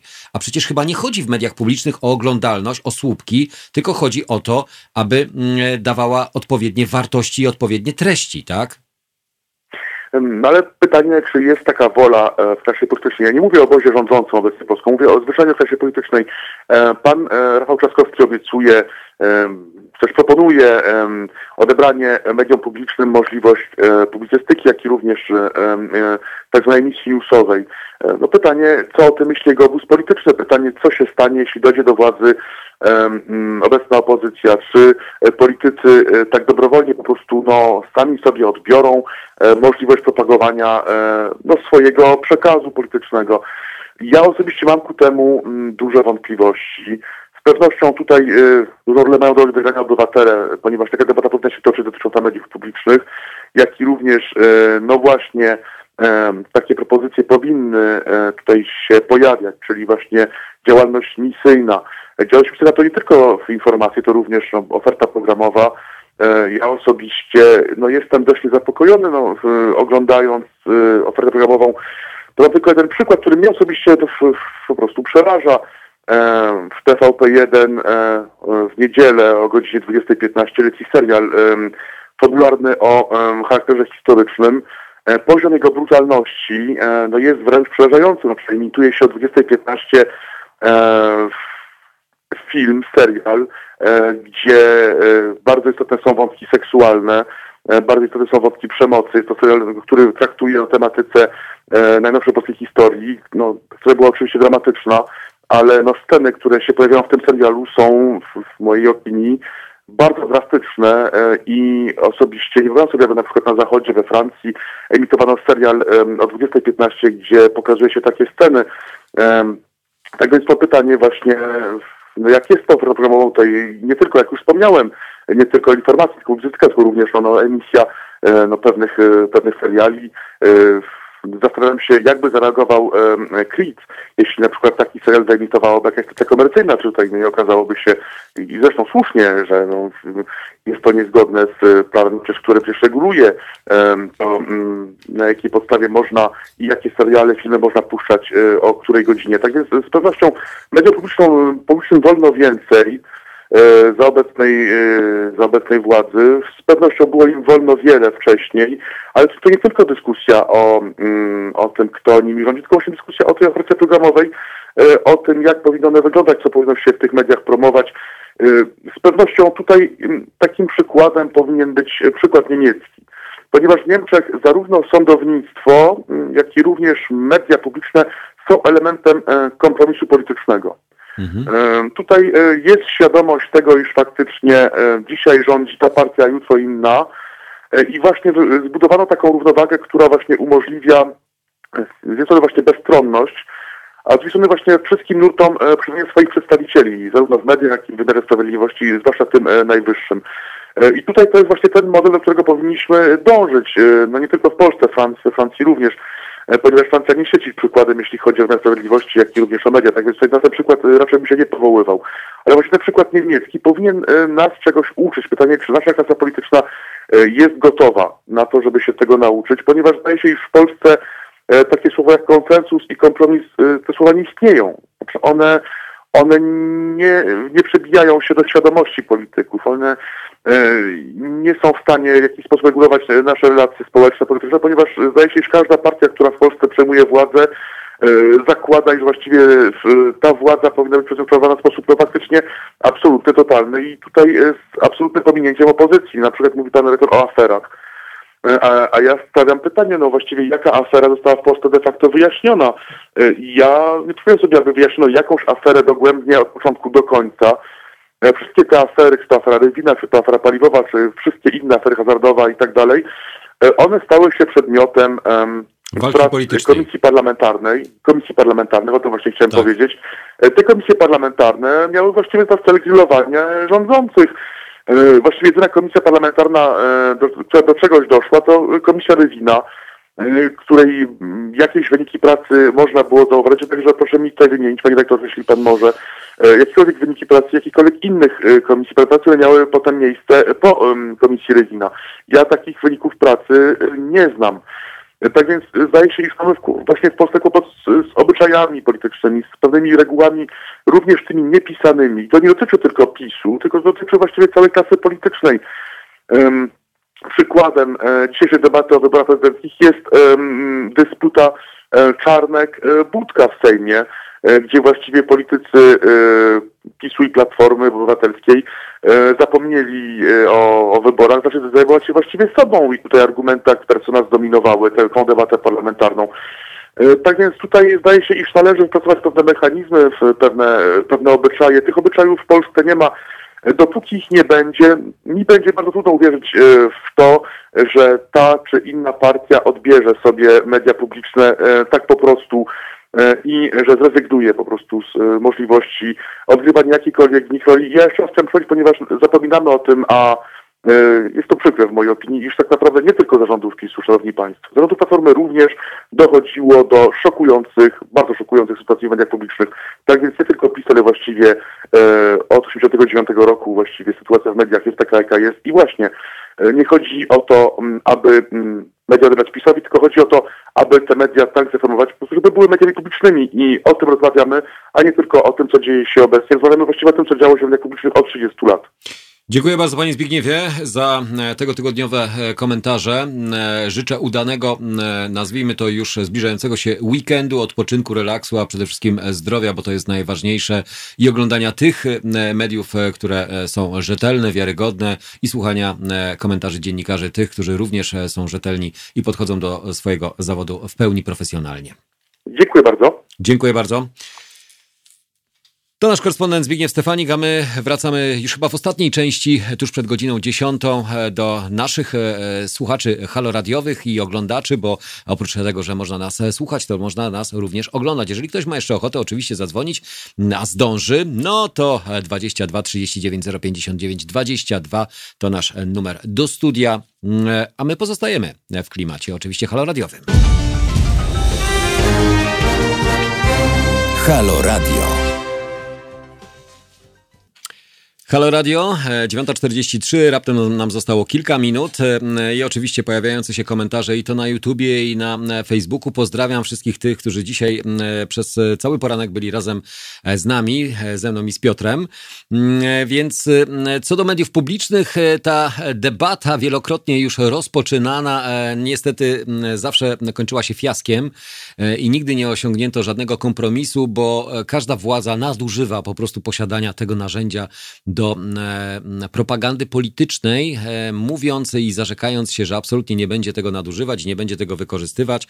Ja nie wiem, czy propozycja Rafała Trzaskowskiego o likwidacji w ogóle publicystyki, czy tego sektora e, przekazywania informacji jest dobra czy zła. Jest to jakieś rozwiązanie na zasadzie, gdyby nagle wyeliminować i serwisy informacyjne i wyeliminować całą publicystykę, no to e, co by zostało? Zostałaby tylko i wyłącznie misyjność, e, czyli kultura, sztuka, e, film, wydarzenia związane z życiem kulturalnym. Wtedy automatycznie wiadomo, że media by straciły na pewnej atrakcyjności, a może właśnie by zyskały, ale też miałyby może większą wiarygodność. A otwarcie takiego rządowego kanału, nazwijmy to, no bo przecież nie mówimy o tym, żeby zwalniać dziennikarzy czy ewentualnie nie oferować im czegoś w zamian, bo nie sztuką jest zwolnić, czy wyrzucić, czy zlikwidować, ale zamienić, przesunąć to na jeden kanał, który byłby tylko i wyłącznie finansowany z każdej partii politycznej i wtedy te partie polityczne, które byłyby u władzy, by sobie tam robiły wolną Amerykankę. Na zasadzie chcesz, oglądasz telewizję rządową, e, proszę bardzo, masz tam serwisy informacyjne, masz wiadomości, masz publicystykę, w danym e, okresie wiadomo czym nacechowaną e, i wtedy wybór, który by był uzależniony od nas, obywateli, którzy płacą na media publiczne, czyli płacimy na te ogólnodostępne media, a na kanały rządowe dany rząd. Chcesz oglądać rządówkę, to sobie ją uruchamiasz, a nie chcesz oglądać, no to pozostajesz przy mediach publicznych. Wtedy ja za media publiczne jestem w stanie płacić mm, e, z, mm, bez żadnych e, skrupułów, a za media rządowe to niech płaci rząd, chociaż to i tak my płacimy, bo to przecież naszych pieniędzy, z podatków, ale zawsze mm, jakoś to można przecież byłoby rozwiązać. To oczywiście propozycje, które padają, bo oburzenie i lament e, ze strony propozycji, znaczy ataki, które teraz kierowane są w stronę obecnego kandydata Rafała Trzaskowskiego, że chce likwidować publicystykę, że to jest ograniczanie możliwości wypowiadania, wolności słowa, dziennikarskiego e, fachu e, i tak dalej, no, e, są takim, nazwijmy to, uzasadnionym elementem obronnym, ale to nie chodzi o likwidację. Tu chodzi o to, aby to uporządkować. Może ktoś kiedyś nad tym się pochyli, może znajdzie jakiś, jakieś rozwiązanie dotyczące tego, jak powinny media funkcjonować w przestrzeni publicznej. Ostatnia afera, która myślę, że będzie mm, chyba mm, tematem e, następnych, e, czy to audycji, czy również e, dyskusji, to film wczoraj, który był publikowany właśnie na wspomnianych mediach. Film pana Latkowskiego. Tak, Sylwestra Latkowskiego. Mm, e, nic się nie stało. Mm, e, Jacek Karnowski, prezydent Sopotu, oświadczył, że od czasu wojny nic gorszego w Sopocie nie zdarzyło się niż działalność tych ludzi. Włodarz e, podkreślił, że jakakolwiek współpraca z Zatoką Sztuki została zerwana. Wczoraj, 20 maja, TVP wyemitowała film autorstwa Sylwestra Latkowskiego Nic się nie stało. Pokazano w nim kulisy działania Krystiana W., pseudonim Krystek, w mediach określony jako łowca nastolatek. Latkowski w swoim filmie przywołał zeznania nastolatek, które e, opisywały gwałt oraz molestowanie. E, śledztwo w sprawie Krystka ruszyło w 2015 roku, kiedy to 14-letnia e, Anait z Gdańska popełniła samobójstwo. Dziewczyna, zanim rzuciła się pod pociąg, wyznała koleżance, że została zgwałcona. W śledztwie ustalono, że Krystian W. wielokrotnie zaczepiał nieletnie dziewczyny, niektóre z nich gwałcił. Okazało się, że bezkarnie działał przez wiele lat na terenie Trójmiasta, głównie właśnie we wspomnianej Zatoce Sztuki w sopockim lokalu. W filmie nic się nie stało. Wypowiedział się Jacek Karnowski, prezydent Sopotu po emisji, wysłał swoje oświadczenie do Polskiej Agencji Prasowej. Trudno sobie wręcz wyobrazić ból i, i, traumę, którą e, przeżywają i przeżywały ofiary pedofilii, wykorzystywane e, młode dziewczyny. To jednak z największych zbrodni i, i trzeba ją wypalać żelazem. Pobłażania dla kogokolwiek, obojętnie kim jest i jakie piastuje stanowisko, być nie może. Mm, włodarz dodał także, że właściciele Zatoki robili wszystko, aby stworzyć modne miejsce, miejsce pełne celebrytów, znanych twarzy. Zapraszali ich na wydarzenia, organizowali cykle koncertów, także charytatywnych to miało im ułatwić prowadzenie tego ohydnego procederu wykorzystywania dziewczyn, wykreować wrażenie, że Zatoka to super miejsce, w którym warto i należy bywać. Prezydent Sopotu e, wyznał także, że na początku byliśmy trochę osamotnieni w walce z Zatoką, ale byliśmy zdeterminowani do wyeliminowania tego zła z Sopotu. Skutecznie rozwiązaliśmy umowę na plażę. Jakakolwiek współpraca z Zatoką Sztuki została zerwana i teraz konsekwentnie oczekujemy zwrotu budynku. Od czasów wojny nic gorszego w Sopocie nie zdarzyło się niż działalność tych ludzi. Ta cała sytuacja obnaża także słabość państwa. Gdyby nie tragedia nastolatki, determinacja jej matki oraz e, odwaga dziennikarzy, to, sprawa, mm, to sprawy by nie było. Podobnie jest w przypadku klubów GoGo, czy mm, potrzebna jest kolejna tragedia, aby w końcu e, ktoś się nad nią pochylił, pyta mm, prezydent Sopotu. Twórca samego filmu, Sylwester Latkowski, nic się nie stało. Kim jest? No na swoim koncie ma kilka filmów dokumentalnych, w tym ostatnią produkcję właśnie Nic się nie stało. E, w której został poruszony problem wykorzystywania seksualnego nieletnich przez celebrytów. Produkcja ta miała być właśnie odpowiedzią na e, głośny dokument braci Sekielskich, tylko nie mów nikomu, opowiadającym o pedofilii w kościele. A jak wiemy, obóz rządzący twierdzi z jednej strony nie, że broniąc, ale jakby atakując że pedofilia nie dotyka tylko i wyłącznie środowisk kościelnych, ale również innych środowisk, a przede wszystkim skupiających się na świecie celebryckim. E, co do celebrytów i co do ataków e, wobec celebrytów, e, to już jest mnóstwo komentarzy i zawiadomień, które będą kierowane do prokuratury wobec samego reżysera. Ale przypomnijmy, że Sylwester Latkowski e, pierwszy film dokumentalny jego autorstwa nazywa, mm, e, nazywa się To my rugbyści. Produkcja powstała niedługo po jego wyjściu z więzienia, gdzie poznał rugbystę Jakuba Szymańskiego, zawodnika klubu Arka Gdynia. Film wywołał dużo kontrowersji, a sam reżyser krytykowany był za gloryfikowanie przemocy i bandytyzmu. Kilka filmów zostało e, przez niego e, dokumentalnych wyprodukowanych, e, również sprawy zarządów Platformy Obywatelskiej Polskiego Stronnictwa Ludowego i pamiętnego laptopa z danymi też zapewne pamiętacie. Sam Kuba Wojewódzki skomentował dokument jak to nazywany król TVN-u zamierza wytoczyć Latkowskiemu proces za naruszenie dóbr osobistych. Mm, e, w debacie po emisji filmu e, sam Sylwester Latkowski zwrócił się do celebrytów, w tym między innymi właśnie do Borysa Szyca, a następnie do innych bywalców Zatoki Sztuki, w tym właśnie wspomnianego Kuby Wojewódzkiego, by ujawnili, ujawnili prawdę, co działo się w lubianym przez nich lokalu.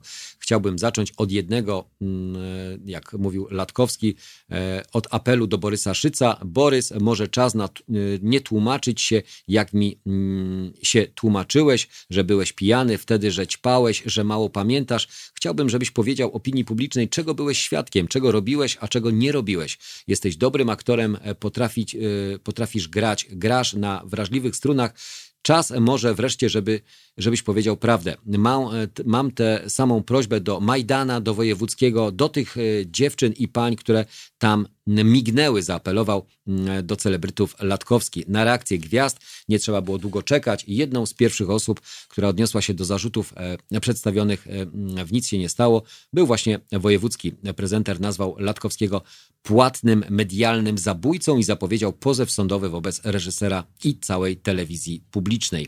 Drogi Sylwestrze, od lat obserwuję Twoje mroczne e, zafascynowanie moją osobą już w 2003 roku e, w swoim filmie Nakręceni, czyli e, show biznes po polsku. Próbowałeś udowodnić, że zarówno ja, jak i program Idol to ściema, układ i nieczysta gra. Potem było już tylko gorzej. Boję się, że znowu wpadłeś w złe towarzystwo sponsorujące Twe posępne fantazje, które już nieraz zaprowadziły Cię do problemów z prawem, konieczności ucieczki z kraju, aż w końcu końcu do więzienia. W sposób haniebny i kłamliwy straciłeś, mm, starałeś się wmieszać zarówno mnie, jak i bliską mi osobę w brutalną aferę, aferę kryminalną Zatoki Sztuki. Próba przekonania świata, że e, bywając tam stawałem się uczestnikiem tamtejszych e, patologii, tudzież ich cichym wspólnikiem, to absurd i zwykłe przestępstwo. Przez lata bywałem e, też w budynku TVP1, co nie czyni ze mnie waszego wspólnika, kłamcy, lokaja władzy czy aferzysty. Dramat wielu dzieci molestowanych przez Krystiana W., bywalca i współtwórcy tego miejsca, a także e, samobójczą śmierć jednego z nich zamieniłeś na oręż politycznej i światopoglądowej nienawiści. To przeraża. Karyku, karykaturalne jest Twoje głębokie przekonanie, że chronisz świat przed patologią pedofilii z taką etyką, uczciwością, cwaniactwem i brakiem jakiegokolwiek, jakichkolwiek zasad, jakie reprezentujesz, to Świat należy chronić przed tobą. Naraziłeś na publiczny lincz zarówno mnie, jak i tych, których e, kocham, w imię bezlitosnej propagandy i odwetu. Dla mnie jesteś płatnym medialnym zabójcą.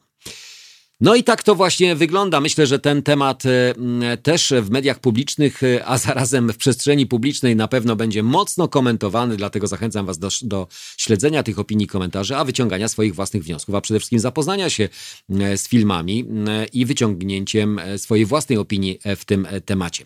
Ja Wam dziękuję za dzisiejszy wieczór, o, przepraszam, za dzisiejszy poranek. Zapraszam oczywiście tych, którzy mają ochotę na dzisiejszy wieczór na mój kanał Zero Ograniczeń. 22.30, a e, za poranek od 7 do 10 dziękuję w imieniu swoim, jak i również Piotra i wszystkich tych, którzy słuchali dziś nas od samego rana. Miłego dnia Wam życzę.